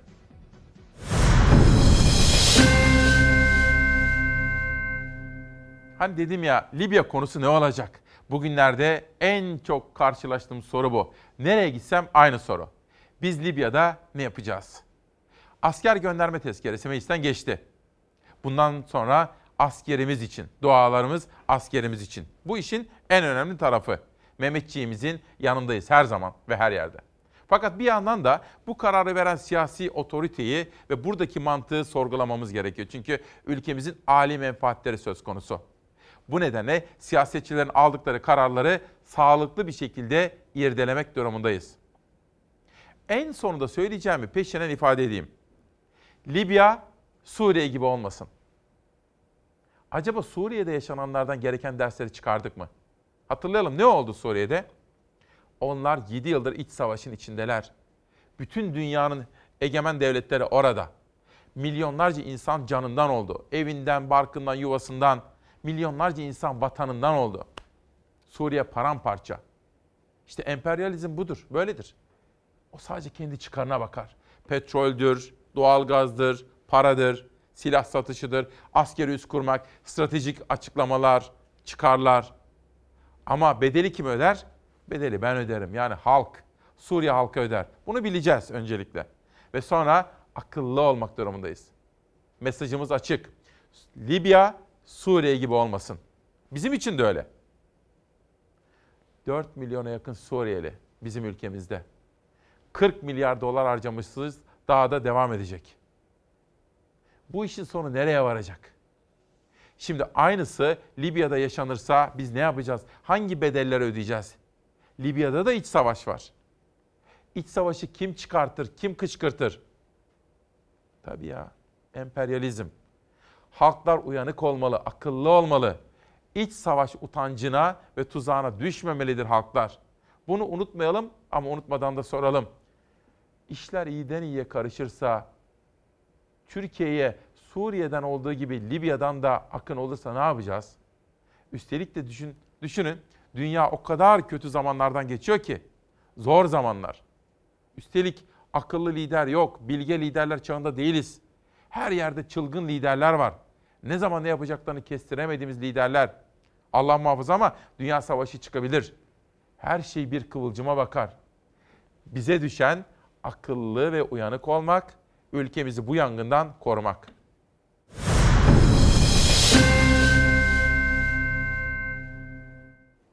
Cumhurbaşkanı Erdoğan'ın dün akşam CNN Türk kanalda ortak yayındaki sözlerinden bir manşet daha seçtik. İzleyelim, düşünelim. İstanbul Boğazı'nın ne tür sıkıntılar yaşadığını bizler geçmişten bu yana zaten biliyoruz. Ama biz bu sıkıntıları daha yaşamayalım istiyoruz. Yani niçin bizim boğazımızdan devasa yani 200 bin tonluk petrol gemileri geçsin? Benim Asya ve Avrupa'yı yakamı tehdit eden bir konuda biz gereği neyse bunun gereğini yaparız. Çünkü biz Roman tankeriyle biliyorsunuz bir facia yaşadık. 7 ay, 7,5 ay o tanker orada yandı. Eğer biz bunlara engel olmazsak yarın daha büyük bir facianın bizim karşımıza gelmeyeceğini bize kim garanti edebilir? Yani burası Montreux içinde olan bir şey değil. Montreux'un tamamen dışında olan bir şey. Savaş gemileri o zaman Montre kapsamında yine boğazlardan o sınırlamalar Evet. nelerse o çerçevede geçmeye Peki, devam edecek. onlara da bir çözüm buluruz canım yani. Gerekirse buradan da geçebilirler. Bakarız. Kanal İstanbul konusunda hafta sonunda da gelişmeler vardı. Cumhurbaşkanının iletişimden sorumlu yardımcısı, danışmanı Fahrettin Altun Çince bir paylaşım yaptı. Çince. Kanal İstanbul konusunda. Yani acaba diyorum Çin mi gelecek Kanal İstanbul'a? Çinliler mi yapacak? Çinlilerin dünyada neler yaptığını biliyoruz. Borçlandırıyor, yapıyor. Borcunu ödeyemediğin zaman oraya çöküyor. Ve orayı alıyor. Örnek mi? Gidin başka ülkelerde var. Kaç tane örnek verebilirim sizlere? Fahrettin Altun gibi Ekrem İmamoğlu da bugün Karar Gazetesi'nin manşetinde O da öncelik sıralamasını hatırlatıyor. Eğer diyor Kanal İstanbul'a mı geldi sıra diyor Ekrem İmamoğlu. Kanalı bırak Samsun Ceyhan'ı yap diyor.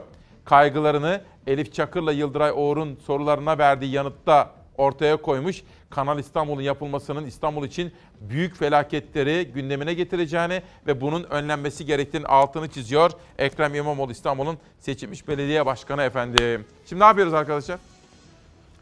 Bir de dündü galiba ya da cumartesi günü. Bir gün gazetesinde bir haber vardı. Ya cumartesi ya pazar günüydü. Şu. Hani termik santraller var ya aslında çalışmaları gerekir. Ama nasıl çalışacaklar? O baca gazı filtrelerini takarak yani toplumu zehirlemeden çalışmaları gerekir. Devletimiz bunlara 1 milyar teşvik vermiş. Soru şu. Sizler şunu soracaksınız, sormanız gerekir. Bu paralar ne için verildi ve nereye, niçin harcandı? Bu AK Parti hükümeti sözünü tutmayan termik santrallere, bacaya filtre takmayan termik santrallere sadece son iki yılda 1 milyar TL teşvik vermiş. Eski parayla katrilyon demek. 21 ayda devletten 1 milyara yakın teşvik aldılar ancak yine de zehir saçan bacalara filtre takmadılar. 5 termik santral kapatıldı ama kapanmış olmalarına rağmen 2020 yılında teşvik almaya devam edecekler. İddia bu yönde. 2020 yılında kapasite mekanizması teşviği vereceği termik santralleri belirlemiş. Aşağı yukarı santral e, bazında 100 milyon dolarlık çevreye uyum e, yükümlülüğü söz konusu. Santrallerin kapanmaması, filtre takıp çevreye uyumlu hale gelmesi için harcanması gereken rakamı Enerji Bakanı açıklamıştı. Bu rakamı harcamayıp filtreleri takmayan, kapatılan santraller aslında 2008 ve 2019 yıllarında devletten büyük teşvik aldılar. Yazık değil mi? Emeklilikte yaşa takılan bu parayı isteyince yok. Asker ücretli zam isteyince yok. Çiftçi isteyince yok. Ama bu termik santrallere 2 yılda 1 milyar TL teşvik vermişler. Kapatılan santrallerden Çates 2018'de 35 milyon, 2019'un ilk 9 ayında 83 milyon teşvik aldı. Orhaneli Santrali 78 milyon, Tunçbilek 137 milyon, Seyit Ömer 224 milyon, Kangal 179 milyon ve kısmen çalışmaya devam eden Soma Termik Santrali ise 21 ayda 373 milyon teşvik aldı. O kadar büyük bir teşviği alanlar hiçbir şey yapmamışlar. Peki ne oldu bu para? Nereye gitti bu paralar? Kapatılan santraller 2018 yılında toplam 326 milyon, 2019'un ilk 9 ayında ise 777 milyon teşvik almalarına rağmen filtreleri takmadı. 5'i mühürlendi ama CHP kapanan 5 santralin 2020 yılında da teşvik almaya devam edeceğini söyledi. Hem kıyak hem de bir tercih. Bu halkın sağlığını değil, bu lobilerin çıkarlarını düşünmek üzere te- e, yapılan bir tercih. TİH yani Türkiye Elektrik İletim Anonim Şirketi Aralık ayında daha santraller kapanmadan 2020 yılında teşvik alacak santralleri listelemişti. 5'i kapandı ama teşvik iddiaya göre devam edecek. Bakanlık da teşviklerin iptal edileceğine dair bir açıklama yapmadı. Muhalefet tepkili. Gerçekten bu soruyu sormamız gerekir. Çünkü bizim vergilerimizle toplanan bütçemiz söz konusu. Bu paralar neden veriliyor iş adamlarına? O neyin teşviği? Ve verildiyse o baca gazı arıtma tesisleri, filtreler neden takılmadı? Bu anlamlı bir sorudur ve yanıtını beklemektedir efendim. Bir de KYK meselesi var. Hani sizlerle sık sık gündeme getirmeye çalışıyoruz. Diyarbakır'a gittiğim zaman da 3 doktor yanıma gelmişti. Biz dediler tek tek kendi öykülerini anlatmışlardı Diyarbakır'da. Biz ihraç edildik. Hakkımızı hukuk devleti olduğu için yargıda aradık. Gittik mahkemelere, beraat ettik. Hatta savcı takipsizlik verdi dedi birisi. Fakat hala mağduriyetim giderilmedi demişti. KHK konusunda hükümetten bir açıklama var. Eğer darbe olsaydı bugün KHK diye şikayet edenlerin büyük çoğunluğu darbeci hükümetin önemli yerlerine gelmeyecek insanlarmış gibi AK Parti Genel Başkan Vekili Numan Kurtulmuş KYK tartışmaları üzerine kurdu bu dikkat çeken cümleleri.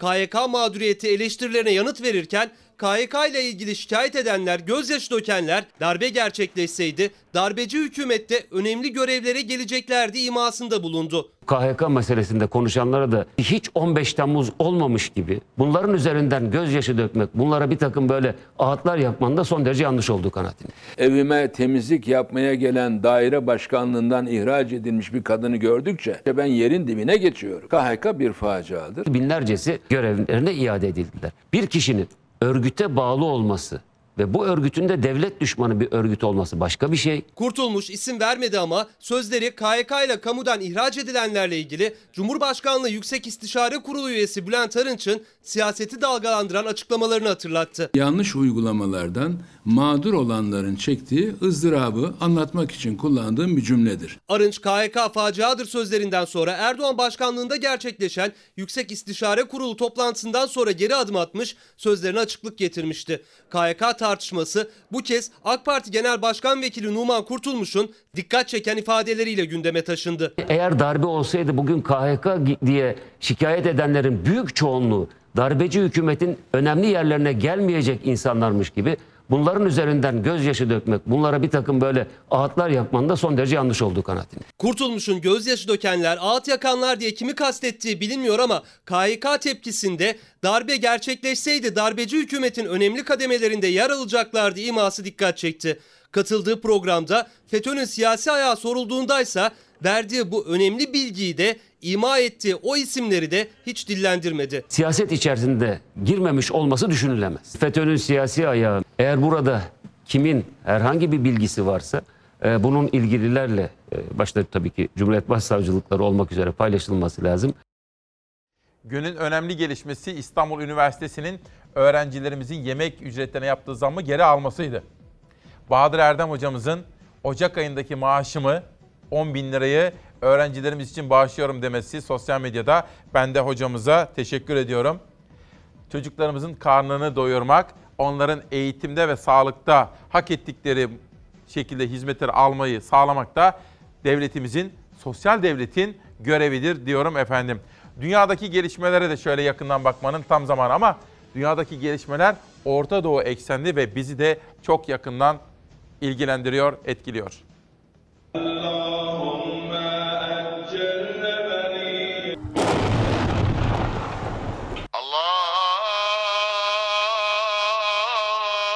Amerika'nın İran'ın efsane komutanını öldürmesi sonrası savaş çanları çalmaya başladı. İran nükleer anlaşmadan çekildiğini duyurdu. Amerika Başkanı Trump ise İran'ı tehdit etmeyi sürdürdü.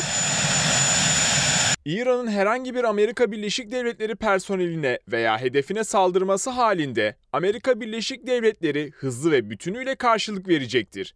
Hatta belki orantısız bir ölçüde karşılık verecektir. Amerika Birleşik Devletleri İran devrim muhafızlarına bağlı Kudüs gücü komutanı Kasım Süleymani'yi hava saldırısıyla öldürdü. İran tarihinde ilk kez savaş ilanı anlamına gelen kırmızı bayrağı gönderecekti. Tahran yönetimi Süleymani'nin intikamı alınana dek bayrağın gönderde kalacağını ilan etti.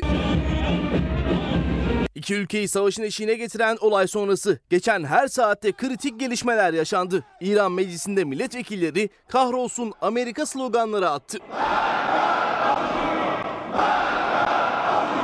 Tahran yönetimi Amerika ve Avrupa ülkeleriyle imzaladığı nükleer anlaşmadan çekildiğini, nükleer faaliyetlerde hiçbir sınırlandırmayı tanımadıklarını duyurdu. Anlaşmadaki taahhütlerin hiçbirine uymayacaklarını ilan etti. Amerika Başkanı Trump ise sosyal medya hesabı üzerinden İran'ı tehdit etmeye devam etti. Paylaşımlarıyla kongreyi de bilgilendirdiğini söyledi. İran Amerikan personeline ya da Amerikan hedeflerine saldırırsa orantısız ölçüde karşılık alır dedi. Trump sadece İran'ı da tehdit etmedi. Ülkelerindeki yabancı askerlerin Irak'ı terk etmesini isteyen Bağdat yönetimine de sopa salladı. Yaptırım tehditleri savurdu. Ülkeden çıkmamızı isterlerse ve bunu dostça yapmazlarsa onlara daha önce hiç görmedikleri ağır yaptırımları uygularız. İran yaptırımları bunların yanında hafif kalır. Irak'ta başkent Bağdat'ta Amerikan Büyükelçiliği binasının bulunduğu bölgede gece saatlerinde sirenler çaldı. Yeşil bölge yakınlarına 4 füze düştüğü öğrenildi. Elçilik binasından siren sesleri yükseldi. Incoming, incoming, incoming. Öte yandan terör örgütü El Şebab Kenya'daki Amerikan askerlerinin konuşlu olduğu Manda Körfezi askeri üssüne saldırdı. Saldırıda bir Amerikan askeriyle Pentagon'a bağlı iki sözleşmeli personel öldü. Hikmet Bey, Hikmet Akdağ, İsmail Bey bir ülkede adalet mekanizmasının sağlıklı çalışması için illaki acı olaylar mı olması gerekir diyor. İşte bakın hikmetli bir söz. Hayır. Acı olaylar yaşamadan da gereken dersleri çıkarmayı bilmemiz gerekiyor. Havalar soğudu. Havalar soğukken lütfen sizler de başkalarını da düşünün. İmkanı olmayan insanları veya öğrencileri veya mesela sokak hayvanlarını da düşünün tamam mı? Lütfen rica edeceğim. Ben bir olasılık isimli kitabıyla bugün olan ve olmakta olana sevgiyle bana da imzalayarak yollamışlar. Yazan Turgay Şahin kendilerine teşekkür ediyorum. Havalar iyiden iyiye soğudu. Sokaktaki canları da unutmayalım. Öpecek mi beni? Türkiye'nin dört bir yanında sokak hayvanlarına yardım eli uzanıyor. Soğuk havalarda hayvanların imdadına yetişen vatandaşlar yarattıkları farkındalıkla herkes örnek oluyor. Hem kedileri hem yürekleri ısıttılar. Yozgat'ta hayvanseverler mahallelere aynı anda 10 kedinin sığınabileceği ısı yalıtımlı kulübeler yerleştiriyor. Can Dostları ve Doğa Koruma Derneği öncülüğüne gerçekleşen çalışma vatandaşları da harekete geçirdi. El birliğiyle sokak kedilerine sahip çıktılar. Van 100. Yıl Üniversitesi öğrencileri her canlı için yaşam hakkı sosyal sorumluluk projeleri kapsamında halka mama dağıttı. Birlikte sokak hayvanlarını beslediler. Aynı ortamda yaşıyoruz, bu dünyayı beraber paylaşıyoruz. Bundan dolayı bunları görmemezlikten gelmememiz lazım. Kırıkkale'nin Yahşiyan ilçesinde ilkokul 2. sınıf öğrencisi Melek Alabak, belediyeden sokak hayvanları için mama talebinde bulundu. Belediye ekipleri okula gelerek öğrencilere mama dağıttı. Yahşiyan Belediye Başkanı Osman Türk Yılmaz tüm Türkiye'de hayvanlara karşı duyarlı olunması çağrısında bulundu. Ağlar. Öyle mi? sen niye ağlıyorsun? Sen niye ağlıyorsun? Mersin'de battaniyeler içerisinde uyuyan köpeklere bir bakan bir daha baktı. Köpeklerin huzur içindeki halleri görenlerin yüzünü güldürdü. Büfe işleten Osman ve Ayşe Koç çifti büfelerinin önünde yağmurdan ve soğuktan etkilenen köpekleri koruma altına aldı. Giresun Belediyesi'nin başlattığı Her Okula Bir Can Dostu projesi kapsamında sokak hayvanlarını okullar sahipleniyor. Proje hem çocuklara hayvan sevgisi aşılıyor hem de sokak hayvanlarına sıcak bir yuva sağlıyor. İzin verirseniz şimdi biraz soluklanmalıyım. Küçücük bir kahvaltı yapmalıyım. Aranıza geri gelmeliyim çünkü simitten, ekmekten, enflasyondan, asgari ücretten, emekliden bahsedeceğim. Buna ilişkin haberlerim var. Ekonomiye dair ağırlıklı bir gündem maddem var. Bunun dışında bazı sürprizler hazırladım size. Ve her zamanki gibi kitap okuyacağız. Kültür sanat haberlerim de olacak biraz sonra. Ahmet Karacan anlatacak bir şey yok diyor. Bu hafta sizlere Atilla Çınar şiirleri. Hani yeni bir yıldayız ya. Yeni kararlar almalıyız. Geleceğimizi düşünerek. Attığımız her yeni adımda kararlar almalıyız. Kararlar almalıyız. İşte geçiyoruz. Başka mevsimlerden geçiyoruz. Ne söylersek, nasıl yaparsak hepsi yarına kalacak.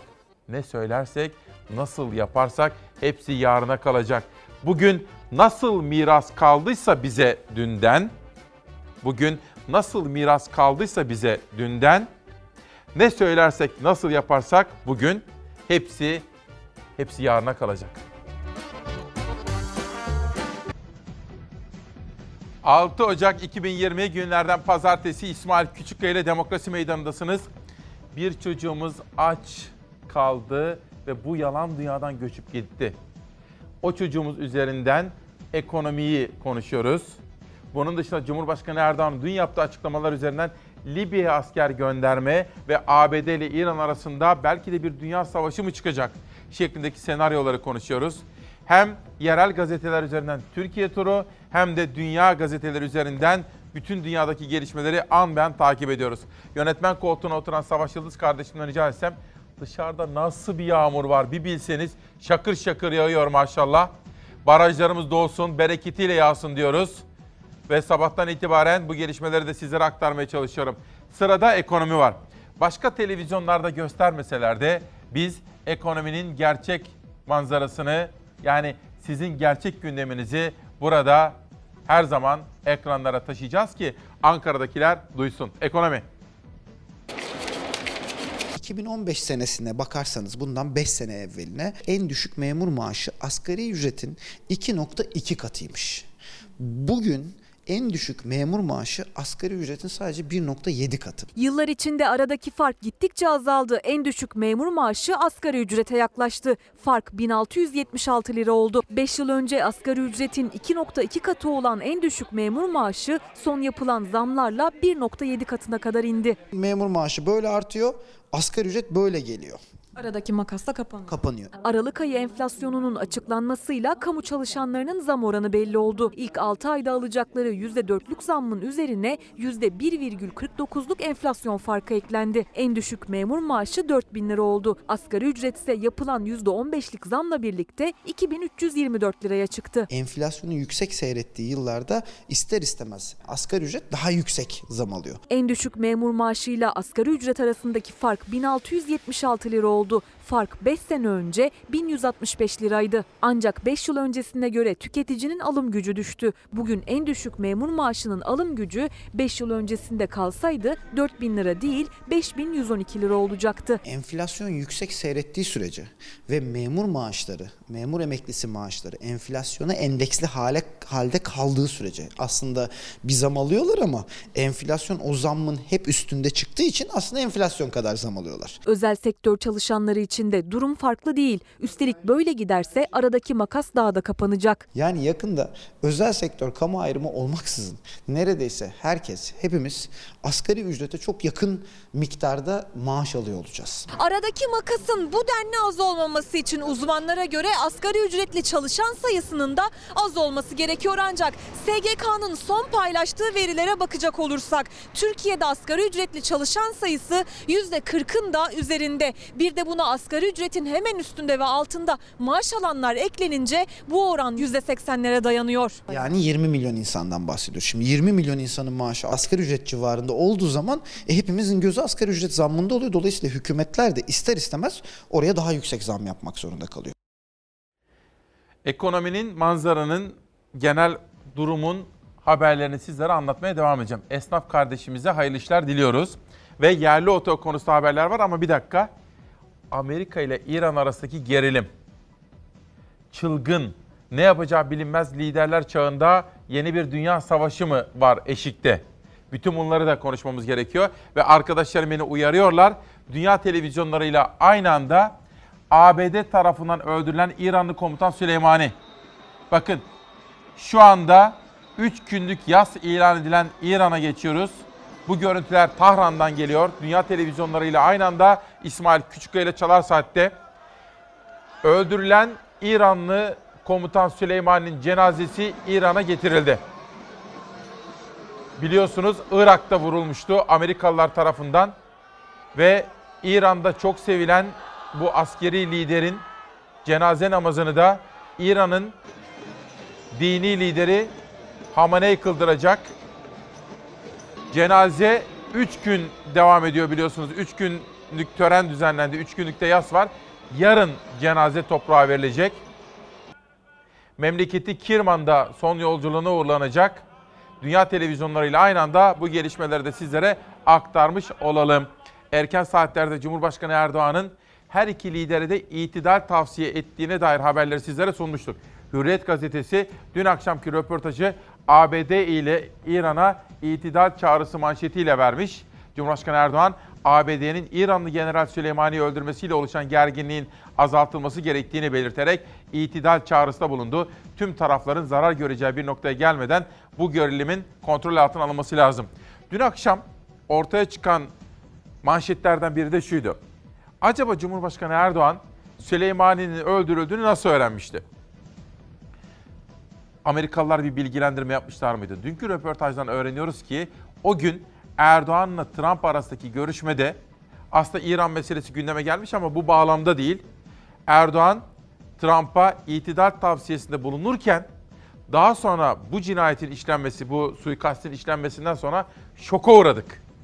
Çünkü Trump'la konuştuk. 4-5 saat sonra bu olayı duyunca şoka uğradık diyor Türkiye Cumhuriyeti Cumhurbaşkanı ve AK Parti lideri Erdoğan. Erdoğan aynı zamanda yerli oto konusunda da şu açıklama yaptı. Halkımızın inanıyorum ki cebini Alabileceği. de rahatlıkla inşallah sıkıntıya sokmadan alabileceği yani otomobil noktasında olacak diye düşünüyorum. Bir defa o olmazsa sürümden kazanma felsefesi yürümez. Sürümden kazanmak için fiyatın ehven olması lazım. Ehven olması lazım. Efendim, hele hele ben- ilk, ilk dönemlerde çok daha önemli. Ama şu bir defa çok çok önemli. Bakın biz şimdi elektrikli bir otomobil yapıyoruz. Bu özelliği var. Ve bir diğer tabii boyutu da özellikle gerek ön gerek arka koltukların olduğu bölgede ciddi bir rahatlık var. Ya bu da çok, çok önemli, evet. Önemli. Ee, Ses yok. Hiçbir şey yok. Esman, Esmahan Anak, İsmail Bey kolay gelsin diyor. Elektrik, su, doğalgaz her şeye gelen zamlardan ve hayat pahalılığından bahsederken Davut Bey de bugün açlıktan ölen kızımız. Bunu da gündeme getirmemiz ve Ankara'nın duyması gerekir diyor Davut Bey. Davut 8326 96 71 rumuzlu arkadaşımız. Kuruşu kuruşuna emekli maaşları. Enflasyon rakamlarının açıklanmasıyla birlikte SSK, Bağkur ve tarım emeklileri maaşları netleşti. SSK ve Bağkur emekleri 2020'de maaşlarını %6,5 zamlı alacak. En düşük SSK emeklisinin aylığı 2111 liraya, en düşük Bağkur emeklisinin aylığı 1889 liraya, en düşük tarım emeklisinin maaşı da 1433 liraya yükselecek. Emeklerin aldığı ek ödeme tutarı 57 lira ile 285 lira arasında değişecek. Sizlere sorayım, sabah sorusu olsun. Özellikle emekliler. Ömrünüzün en güzel baharında bu kadar hizmet verip emekli olduktan sonra rahat yaşayabiliyor musunuz efendim? Bu sorunun yanıtını düşüne durun.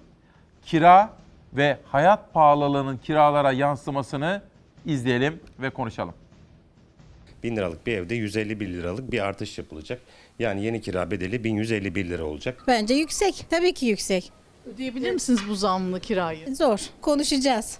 Ne diyeceksiniz? Yani ona göre zam yapsın isteyeceğiz yani. Kiracılar tedirgin, ev sahipleri hesap yapıyor. TÜİK Aralık ayı enflasyon rakamını 11,84 olarak açıkladı ama kirada zam hesabı 12 aylık ortalama üzerinden yapılıyor. O da %15,18. Ev sahipleri en fazla bu oranda zam yapabilecek ama birçoğunun önceliği kiralarının düzenli ödenmesi. Ücretler malum Türkiye'de, işsizlik malum. Siz bu oranı kiraya yansıtır mıydınız? Yok düşünmüyoruz. Böyle bir şey düşünmüyorum ki.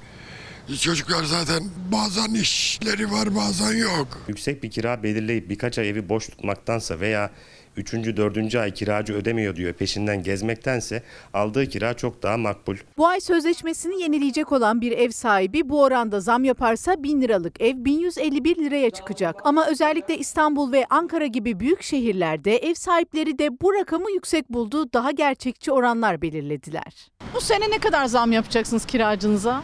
Yani %15'lik bir gelir artışı olmadığı için insanların %15'lik bir kira artışı da çok e, mantıklı olmayacaktır, adil olmayacaktır. 3000 lira 2 artı 1 deprem sonrası bir dairenin fiyatı var. İstanbul'da Eylül ayında yaşanan 5,8'lik depremde kiracıları daha az katlı ve yeni binalara yöneltti. Ama bu da yine zam olarak döndü. Tabii eğer ev sahibi bu oranda zam yapmayı göze alabilirse 3000 lira ve üstündeki evler için bu rakam yaklaşık 500 lira. Deprem sonrası yapılmış yeni bir binada oturmanın bedeli 3000 liraya kadar çıkıyor. Eğer ev sahipleri üst limitten zam yaparsa yeni kiraları 3500 lira olacak. Ayda 3500 lira ödeyecek 3000 yerine.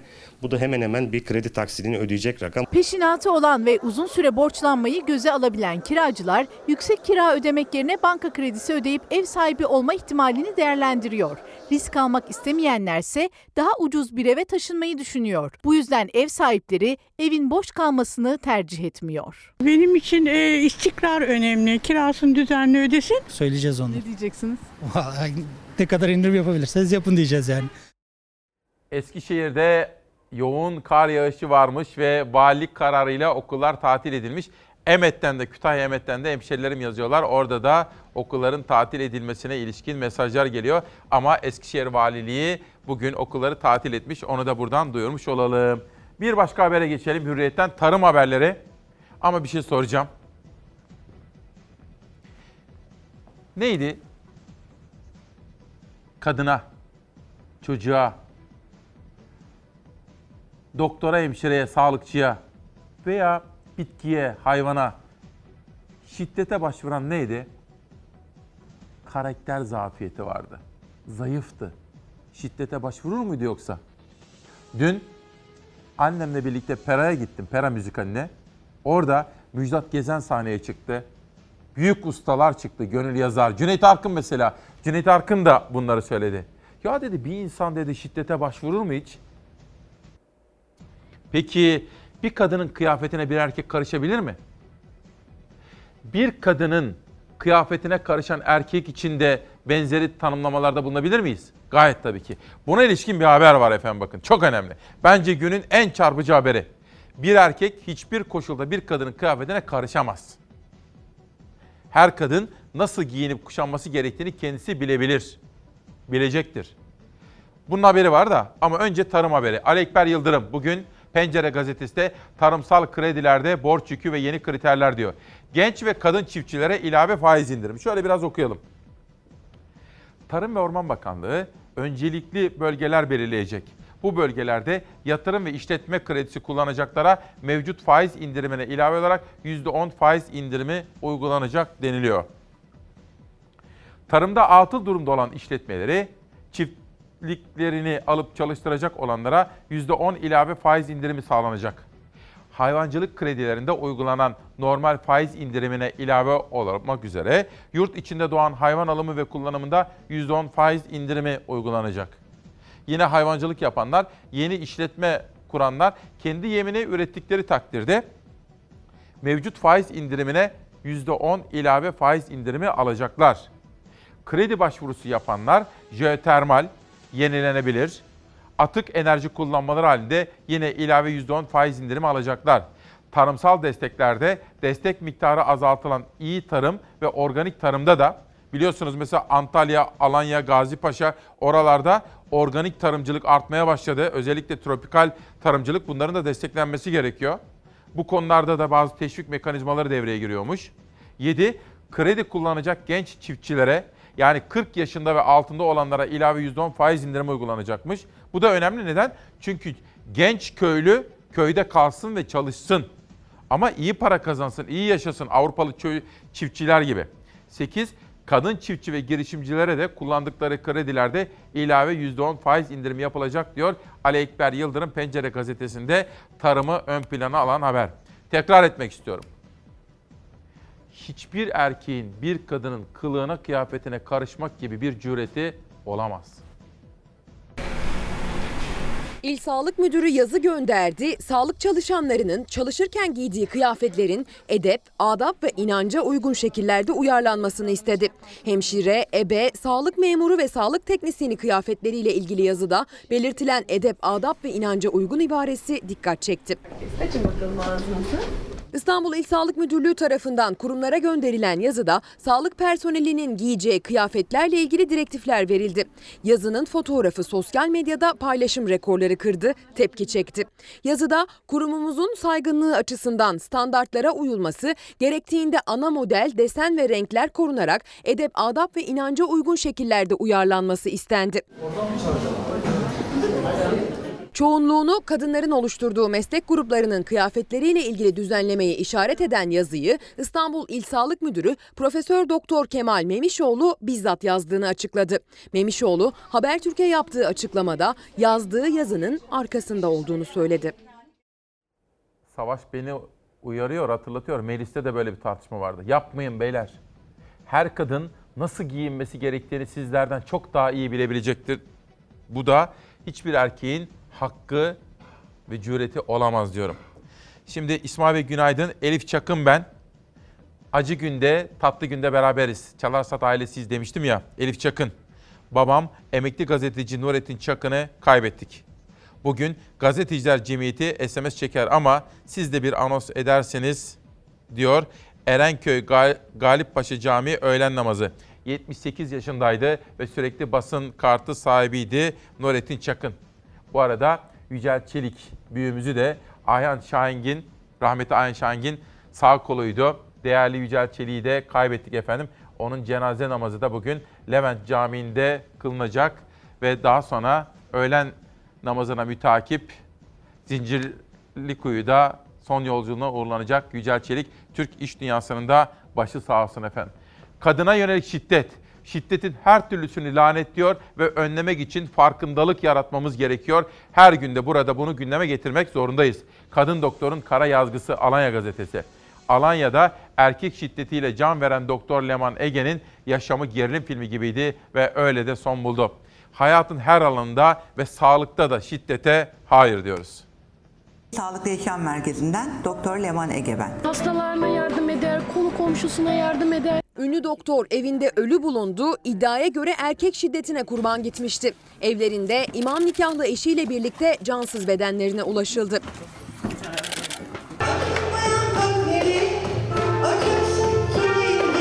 Antalya hafta sonu ünlü doktor Leman Ege'nin ölüm haberiyle sarsıldı. Kendine ait evde imam nikahlı eşinin ve Ege'nin cansız bedenlerini Leman Ege'nin Rusya'da tıp eğitimi alan oğlu buldu. İddiaya göre Lübnan asıllı Alman vatandaşı İzzam Kaf, Leman Ege'yi öldürmüştü.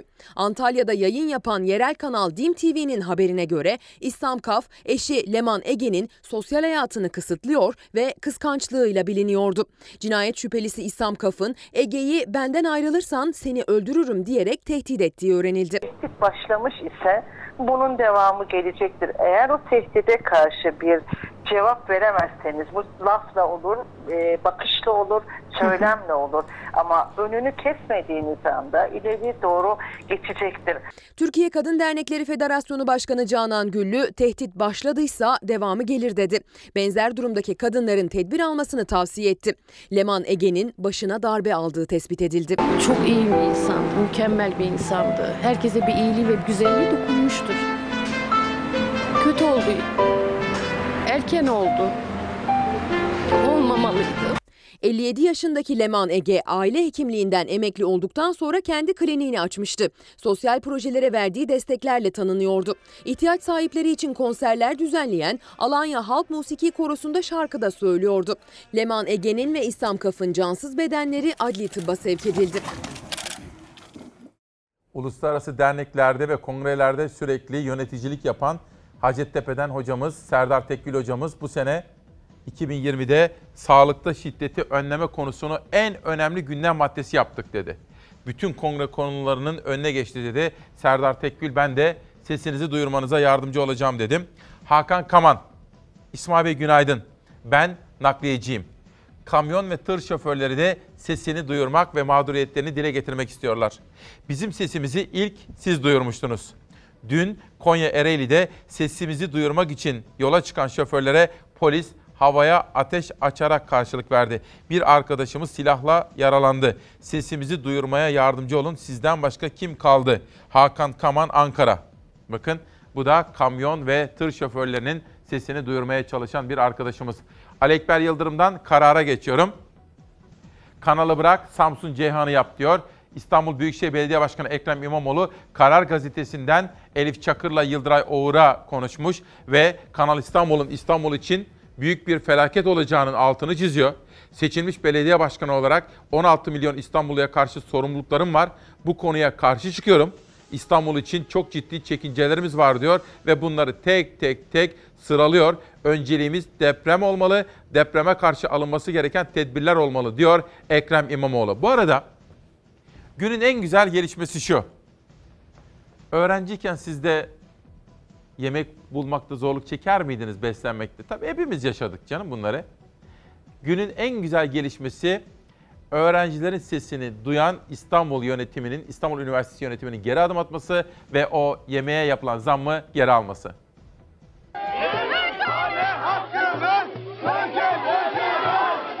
Öğrenciden okuması isteniyor ama kitaplar pahalı. Ne kadar bir günlük yemek maliyeti? En az bir 40-45-50 lira arası değişiyor yani. Araştırıyoruz, insanlardan duyuyoruz nerede nasıl ucuz ve lezzetli ve sağlıklı bir yemek bulabiliriz diye. En ucuz, en sağlıklı yemeği yiyebilmek için araştırma yapıyor öğrenciler. Çünkü ceplerindeki her kuruş onlar için çok değerli. Haftada 3 gün okula 4 gün işe gidiyorum. Evden bir şeyler yolladı mı annen? 20 günde bir zaten yolluyorlar sürekli kargo ile işte ne bileyim makarnadır, işte eriştedir, tarhanadır falan. Poğaça ile meyve suyu yedim. Yani birazdan da işe gidiyorum zaten 15 dakikam var. 2 lira e, meyve suyuna verdim. 2 tane de açma yedim. 2'şer lira da onlara verdim. 6 lira e, sabah kahvaltım sadece. Kahvaltı olarak tost diyorum her gün okula geldiğimde. Sadece tost mu? Tostla çay işte 7,5 lira tutuyor. Sadece tostla yapılan bir kahvaltı bile 7,5 lira. Öğle yemeğinde yenilen ekmek arası döner 15 lira. Akşam yemeği de aynı şekilde olursa bir öğrencinin günlük yemek masrafı 40 lira tutuyor. İşte bu yüzden birçoğu okuyabilmek için çalışmak zorunda. Aileniz bir şey gönderiyor mu evden? Yiyecek içecek. Özellikle bu zamanlarda çok sık gönderiyor yiyeceklerimizi. Ne gönderiyor size? Genel olarak et gönderiyorlar. Öğrenciyseniz yemek işi çok zor. Biz de Kamil ve Enes'le oturduk sofraya. Onlar ev yemeklerine hasret kalmışlar. Bu yüzden de sulu, sıcak yemekleri tercih ettiler. Menüde patatesli, etli sulu yemeğimiz var, bulgur pilavı var, pirinç pilavı var. Ne kadar mal oldu Enes? Ee, 15.75 az köfte ve pirinç pilavı ve ayran bir öğünüm 15.75'e mal oldu. Toplam ortalama 45-50 lira civarına denk geliyor bir öğrencinin bir günlük yemeği. Yani genel olarak böyle esnaf lokantalarını tercih ediyoruz daha çok. Ne kadarmış toplam? Hmm, 5 lira olması lazım. Döner 15 desek 20. Bunun da 25'e yakın bir miktar. Benim sadece e, döner ve ayran var. O da 20 lira falan yapıyor. Pilav 8 lira. Ama herhangi bir yerde başka bir yerde yemeye çalıştığımız zaman bu 12-13 liraya kadar da çıkabiliyor. O yüzden şikayetçiyiz. Sadece bir porsiyon pilav bile 8 lira. O da tavuksuz. Ucuz diye öğrencilerin tercih ettiği tavuk döner de mecburen menüden çıktı. Tavuklara da güven yok. Nereden geldiğini bile bilmiyoruz. Ankara Belediye Başkanı Mansur Yavaş bir konuda tebriği ve teşekkür hak etmişti. Onu biliyorsunuz. Öğrenci kardeşlerimize bedava çorba dağıtıyordu. Dün hazırlıklarımızı yaparken dikkatimizi çekti. Nihal Kemaloğlu'nun dikkatini çekmişti. O söyledi. Dedi ki bak senin önem verdiğin bir konu dedi. Ankara'da bedava çorba nasıl dağıtılıyor? Belediyenin böyle bir videosu vardı ve ben de arkadaşlarımdan rica ettim. Onu sizlere anlatacağım şimdi bakın. Çok önemli. Benim için en önemli gelişmelerden bir tanesi. Çocuklarımızın karnı doysun. Sosyal devletin görevidir bu. Milli Gazete Süt Bankası sosyal medyada Milli Gazete'nin peş peşe yaptığı manşetler sonrası rafa kaldırılmıştı. Anne Sütü Bankası projesi Milli Gazete o manşetleri atınca sosyal medya üzerinden bu kampanya yeniden ivme kazandı. 2012 yılının sonlarında piyasaya sürülmek istenen Süt Bankası projesi Milli Gazete'nin büyük gayretleriyle rafa kaldırılmıştı. Sağlık Bakanlığı öncülüğünde başlatılmak istenen projenin tüm olumsuz yönleri enine boyuna kamuoyuna anlatılarak son anda da olsa geri adım atılması sağlanmıştı. Ancak bugünlerde sosyal medya üzerinde benzer bir çalışma yapılıyor. İleride karşımıza çıkabilecek süt kardeşi evlilikleri başta olmak üzere birçok sağlık sorunlarını da beraberinde getiren bu çalışmalara yetkililerin acilen dur demesi gerekiyor diyor. Milli Gazete böyle bir manşette okulların karşısına çıkmış. Bir sonraki gazeteye geçelim. Türkiye Gazetesi 4,5 milyon işsiz, firmalar destekten habersiz. Un var, şeker var, helva yapsana. Sefa Bilgitekin'in haberi. Devlet birçok kanaldan olduğu gibi işkur vasıtasıyla işvereni rahatlatacak teşvikler sunuyor. Ancak patronların %55'inin desteklerden haberi yok diyor efendim. Ankara'ya gidiyoruz. Öğrenci kardeşlerimiz bedava çorbayı nasıl içiyorlar?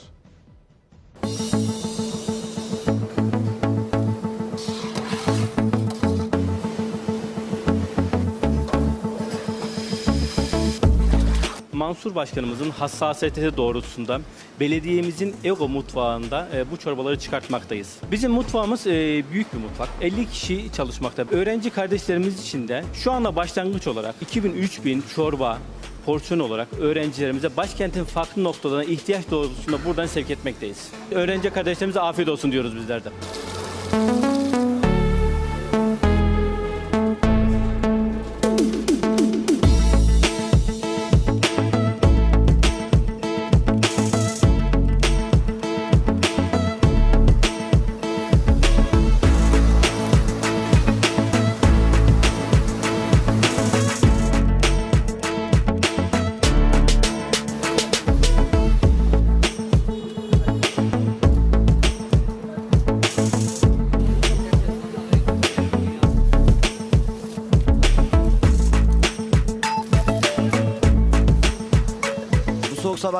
E, çorbaları dağıttığı için Mansur Yavaş'a teşekkür ederiz. Hani herkesin içi ısındı bu soğukta. Sabahları soğuk oluyor, e, çorba içimizi ısıtıyor. Buradan Mansur Başkanımıza çok teşekkür ediyorum. Sabah geliyoruz, içimiz ısınıyor. Mansur Yavaş'a gerçekten teşekkür ederim. Bu uygulama çok iyi oldu. Çünkü öğrencilerin maddi durumları iyi olmayanlar var. Bu sayede herkes sıcak bir çorba içebiliyor en azından sabahları da olsa. Kendim bildim bileli Ankara'dayım ve ilk defa böyle şeyler görüyorum. Sabah sabah hani durduk yere bir anda karnımız doyuyor. Durduk yere okulda para harcamak zorunda kalmıyoruz. O yüzden bizim için çok iyi bir şey. Şimdi hakikaten de o kadar yollar, köprüler yapmaktan daha önemli. Yani üniversitede okuyan öğrenci kardeşlerimize sıcak çorba dağıtmak. Hepimiz öğrencilikten geçtik canım bilmiyor muyuz? Neler yaşadık? Çok önemli. Dolayısıyla Mansur Yavaş bu projesiyle çünkü söz vermişti ve yerine getirdi. Her türlü övgü hak ediyor. Hiç partisi beni ilgilendirmez. Hangi parti olursa olsun. Hangi belediye başkanı bunları yaparsa burada duyuyorum. AK Partili, CHP'li, MHP'li, HDP'li, İyi Partili, Vatan Partili kim bunu yaparsa sesimi duyuyorum. Hakan diyor ki abi diyor bunlar nasıl oluyor? İstanbul Üniversitesi de geri adım attı. Termik santraller konusunda da nasıl oluyor bu diyor. Hakan kardeşim hiçbir iktidar halkının sesine duyarsız kalamaz. Ve sizler hak sahibi yurttaşlarsınız. Sesinizi çıkaracaksınız. Anayasamız tarafından garanti altına alınan haklarımız var. Bunları kullanalım. Sesimizi duyuralım. Biz bunu yapıyoruz. Bakın Erdoğan da her ay anketlere bakar. Bir adım atacağı zaman. Halkının görüşünü öğrenir. Mesela halk bir konuda %70 hayır çıkacak diyecek ve bunu yapacaklar. Mümkün değil. Hiçbir lider bunu yapmaz. Dolayısıyla mesele anayasal haklarınızı kullanmanız, barışçıl bir şekilde anayasamızın söylediği şekilde sesimizi duyurmamız efendim. Yoksa geri adım atılır. Termik santralde de atılır, Kanal İstanbul'da da atılır, burada da atılır. Yeter ki halkın görüşü net olarak ortaya çıksın diyorum. Sosyal devletin görevidir bu sabah. Benim hafta sonundan derleyip toparladığım manşetler var. Sizlere bunları da böyle peyderbey anlatmak istiyorum. Ama bir dakika. Biraz önce bir arkadaş soruyordu. Yeni partiler. 2020 yılında yeni partileri çok konuşacağız. Gerek Ali Babacan, gerek Davutoğlu. Benim edindiğim izlenim doğru ise Erdoğan Davutoğlu'nu çok ciddiye almıyor, önemsemiyor. Ama Erdoğan şayet benim edindiğim izlenim doğru ise ki uzun yıllardır dikkatle takip ediyoruz Erdoğan'ı. Ali Babacan'ı ciddiye alıyor. Hatırlıyor musunuz? Hani o 2008 ekonomik krizi olduğu zaman ben yine o zaman bir çıkış yapmıştım. Demiştim ki bu kriz bizi teğet, Teğet. geçer. Parti kurma çalışması yapan bazı arkadaşlar var ya. Onlar da o zaman benim yanımda olanlar bana karşı çıkmışlardı. Yok şöyledir, yok böyledir. Niye? Çünkü talimatı IMF'den alıyorlardı. Ve inandığımı ben de kararlı bir şekilde sürdürdüm. Onlar teğet geçmeyecek mi diyorlar? Hayır tabii. Böyle bir noktadaydılar. E, zaten onlar faizciydi.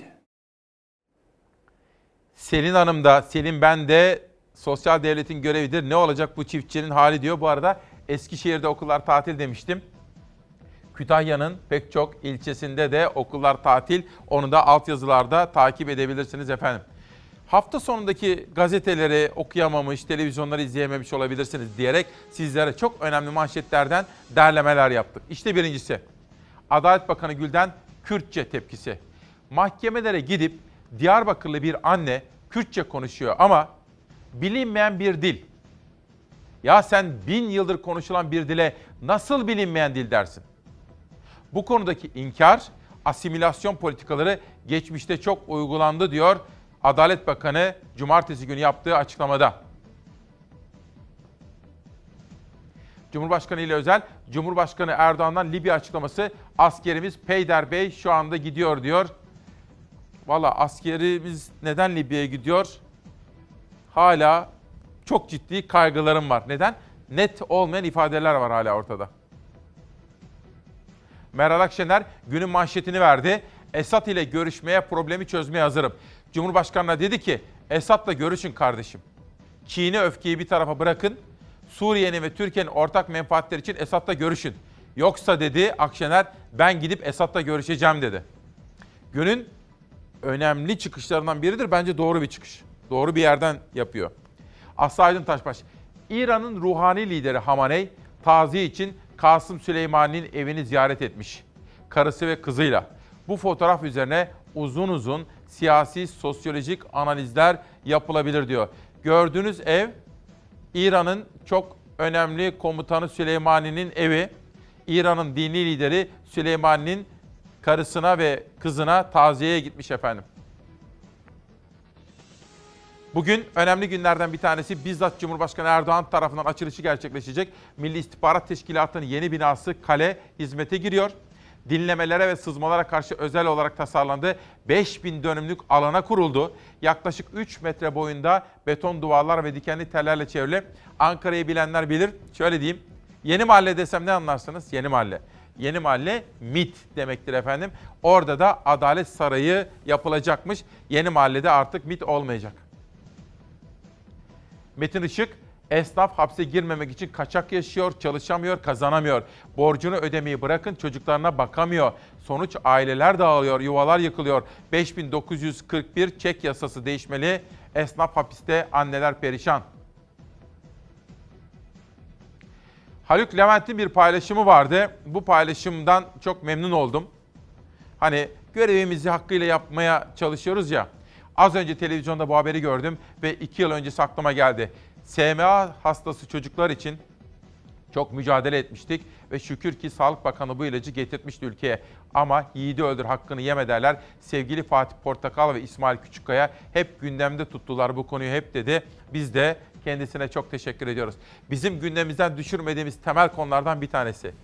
Alın teriyle çalışan işçimiz, emekçimiz, madencimizin de her zaman yanındayız. A parti, B parti, C parti şu bu demiyorum ben.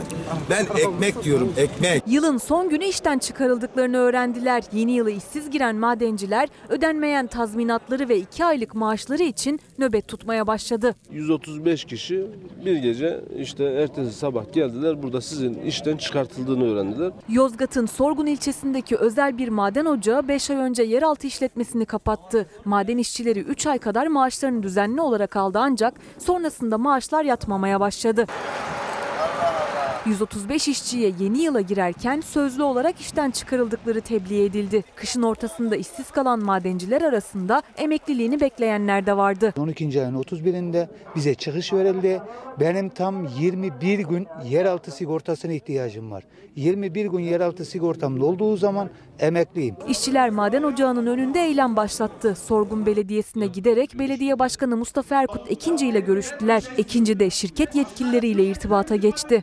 135 işçi mağdur edilmeyecekleri yönünde söz aldı ama henüz somut bir gelişme yaşanmadı. Biraz tedirginiz. Niye tadırdınız? Hani söz uçar, yazı kalır hesabı vardır ya. Şu anda sözlü söylemlerde herhangi bir sıkıntı yok. Ama bunun yazılıya geçmesi lazım. İşçiler yılbaşından bu yana seslerini duyurmaya çalışıyor. Son olarak yeni bir grup işçi daha aralarına katıldı. Gece de aynı noktada olacaklar. İşçiler alacakları ödeninceye dek eyleme devam etmekte kararlılar. Kışın ortasında beni kapının önüne bırakmasınlar. Bir madenci haberim daha var. Onu da çok önemsiyoruz efendim. Ama bu arada Ümit Eraslan istisnasız her sabah bizimledir. Sağ olsun. İsmail size de teşekkür ediyoruz. Ankara Büyükşehir Belediyesi'ne de bravo diyoruz. Diğer belediyelere de örnek olsun. Üç öğünü simit ve çayla geçirmeye çalışan öğrenci. İşte böyle. Bu arada değerli hocamız Hasan Onat, Profesör Doktor Hasan Onat, değişim süreci Türkiye'de din anlayışında ve yeni bir kitabı daha çıktı efendim. Hasan hocamızla da konuştuk. Bizim Ankara Felsefe, Arjant Felsefe grubunda hocamızdır kendisi. Uzun zaman ders aldık kendisinden. Mezhepler konusunda bir kitabı çıkmış. Mezhepleri iyi anlamalıyız diye. Kendisini bir gün İsmail Küçükkaya ile Çalar Saat'te ağırlayacağız. Davet ettim. Memnuniyetle dedi. Yakında bir sürpriz yapacağım efendim kendisine, size daha doğrusu. Haluk Levent'ten sonraki mesaja geçelim. Dün iki adet kitap aldım. Eve geldiğimde oğlum, 10 yaşındaki oğlum, baba poşette ne var dedi. Ben de bu da benim ödevim, okuyacağım dedim. Yoksa o kitapları sana İsmail Küçükkaya mı verdi dedi. Çok şaşırdım. Seni kitapla bağdaştırmış. O kadar hoşuma gitti ki.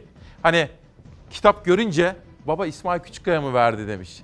O kadar gururlandım ki sizlere anlatamam. Yeter ki çocuklarımız okusunlar ve büyüklerini kitap okurken görsünler. Bugün Adalet Günü. Bakın bu da geçen hafta Melahat Gülses buraya geldiği zaman yanında bir genç kızımız daha vardı. O da bir abla. Bakırköy'de kız arkadaşını darp eden ve tepki gösterenlerin üzerine otomobilini sürerek 6 kişinin yaralanmasına neden olan hakim anne ve savcı babanın oğlu olan gencin davası bugün görülecek. O gün buradaki yani Melahat Gülses'le birlikte gelen bir kızımız vardı. Adını söylemeyeceğim. Bu olaya adı karışanlardan daha doğrusu adalet arayanlardan birisiydi o. Söz verdim ona mahkeme gününde bu olayı duyuracağım ve farkındalık yaratacağım demiştim. O nedenle görevimi yerine getirmeye çalıştım efendim. Madenci hasta olursa madenci hastalığını kimden ve nasıl öğrenir? Benim gibi madenci arkadaşlarım yıllarca maden ocağında çalışıyorlar. Tozlu topraklı ortamda ciğerlerini bitiriyorlar. Yaşım 42 yaşındayım. Aynı ihtiyar insanlar gibiyim. İki tane çocuğum var. Biri 12 yaşında, biri 13 yaşında, işi 3 yaşında. Aynı ihtiyar adamlar gibi bir halim var. Yani maden sektörü aynı bu şekilde benim bu hale getirdi. Kimi şiiriyle, kimi gözyaşlarıyla dile getirmişti yaşadıkları ihmali, acıyı. Çineli maden işçileri çalışma koşullarına uygun maskeler verilmediği için bu toz bulutunun içinde silikozise yakalandı. Ölümcül akciğer hastalığına yakalandıklarını da işten kovulunca öğrendiler. Uğradıkları haksızlığı Fox Haber'e anlatan işçiler iddialarına göre şimdi de maden şirketinin yöneticileri tarafından tehdit ediliyor. Doktor dedi ki sen dedi hastası silikozis hastası var dedi. Şok oldum. İşçilere verilmesi gereken sulu sistem oksijenli maske. Oysa onlar boyacı maskesi kullanıyordu. Bin liralık maskeler verilmediği için Aydın Çin'de madenlerde çalışan onlarca işçi gibi onlar da ciğerlerine yerleşen tozlar nedeniyle silikozise yakalandı. Hastalık şirkette yapılan periyodik kontrollerde ortaya çıktı. İddialarına göre hasta oldukları söylenmedi bile. Başka gerekçelerle işten çıkarıldılar. Halimi görüyorsunuz. Bu şekildeyim yani. Yani durum hiç iyi değil yani. Vay. Yani nefes darlığı tutun. Yani çok zor yani. Sabahlara ön sürük. Çok rezil bir hayat yaşıyoruz yani. Tedavisi olmayan bir hastalığın pençesinde ölümü beklerken yaşadıkları sıkıntıları, uğradıkları ihmali Fox Haber'e anlattılar. İddialarına göre onları hastalıklarını bile söylemeden işten çıkaran patronlar haklarını aradılar diye tehdit etti. Biri sigortasız çalışmak karşılığında iş bulmuştu. O işten de çıkarıldı. Yani işten çıkaran patron duydu seslerini ama yetkililer hala duymadı. Bir kez daha çaresizliğe itildiler. emekçinin sesini duyurmamız gerekiyor. Sessizin sesi. Eğer bizim felsefemiz İsmail Küçükkaya ile Çalar Saati nedir diye soruyorsanız sessizin sesini duyurmak. Amacımız bu. Ve işte Çalar Saat ailesi iki numara gelsin. Ve burada Halil Güvener, engin bir insan. Çok sohbet ettik kendisiyle. Halil Güvener'le birlikte Marmara Üniversitesi'nin efsane hocalarından eski rektörü Tunç Eren'i ziyaret ettik. Ali Kemaloğlu abim de yanımdaydı. Uzun uzun sohbet ettik. Sizlere yeri ve zamanı gelince anlatacağım efendim. İstanbul'u konuştuk.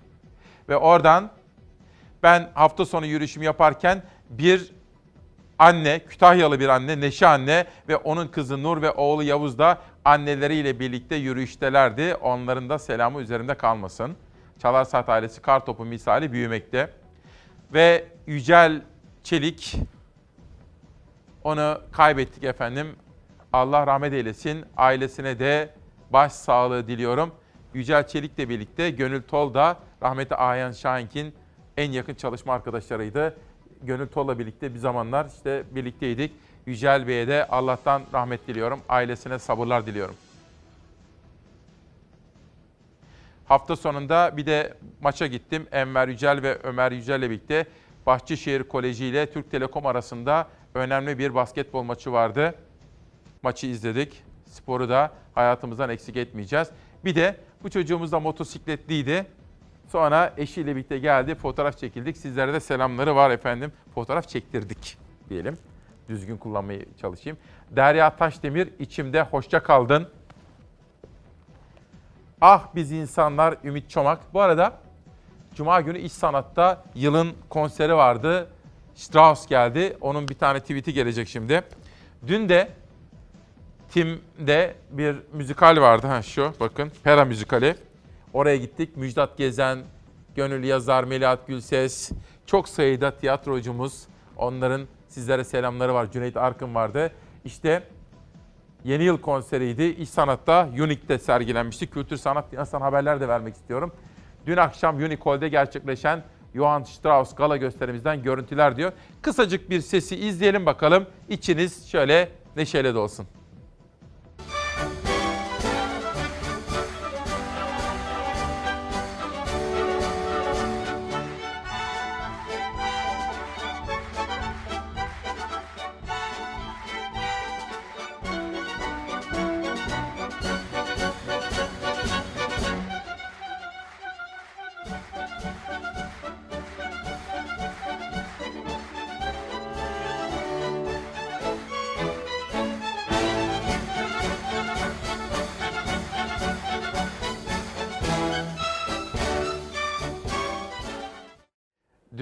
Müzikalinde de çok sayıda anneyle fotoğraflar çektirdik. Sizlere selamları var. Özellikle çağdaş yaşamcılar Çorlu'dan başta olmak üzere onlar da gelmişlerdi. Onların da selamları üzerimde kalmasın efendim. Hanım Koç Yiğit yeni çıkan kitabı ile Çalar Saat'te. Orada karşılaştık. İnceleyip takip edeceğim. Biz4as.com bir grup kadın Özellikle Çanakkale'ye gitmişler, Sarıkamış'a gitmişler, pek çok yeri geziyorlar. Ne olduğunu araştırıp sizlere bilgi vereceğime dair onlara söz verdim. Hem çağdaş yaşamcılar hem de bu grupla dün bolca sohbet ettik efendim. Şifreleri çözülüyor. Zeynep Turan 2020 şifreleri çözülüyor. Ve Melodi Baç Kül. Nasıl bir sabahtı ama nefesimiz kesildi. Sizi şimdi Zeynep Karababa ile baş başa bırakacağım. Sonra terasta yağmur altında sade kahvemi içip yeni haftanın ilk gününü beraber kapatmak üzere huzurlarınıza döneceğim. Derdim çoktur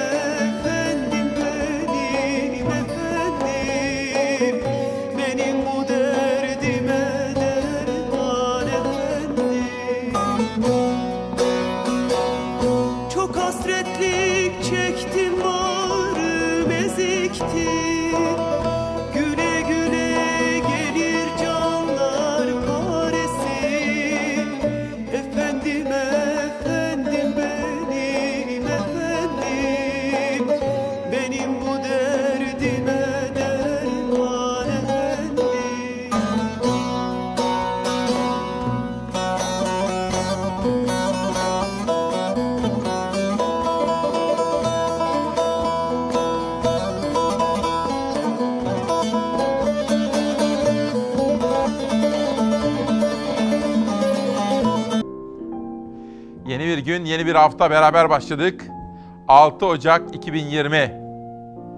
Çocuklarımızın karnını doyurmak sosyal devletin görevidir. Bugünkü manşetimiz buydu. Ersin Özdil, Mevlana'nın Mesnevisindeki bilimsel kehanetleri ve bulguları. Bu kitabıyla bugün Çalar Saat'te. Ve Profesör Doktor Atilla Can Kaytar, Doçent Doktor Yasemin Ergenekon, Doktor öğretim üyesi Aysun Çolak ve öğretim görevlisi Doktor Çimen Acar beraber böyle bir çalışma yapmışlar. Yasemin Ergenekon'un editörlüğünde. Atilla Çınar. Önümde uzun bir yol. İşte döndüm. İşte döndüm. Yine karşındayım. Dağlanan kalbimle karşındayım. Yine meraklıyım ve sen sen bir yolsun. Önümde akıp giden bir yol.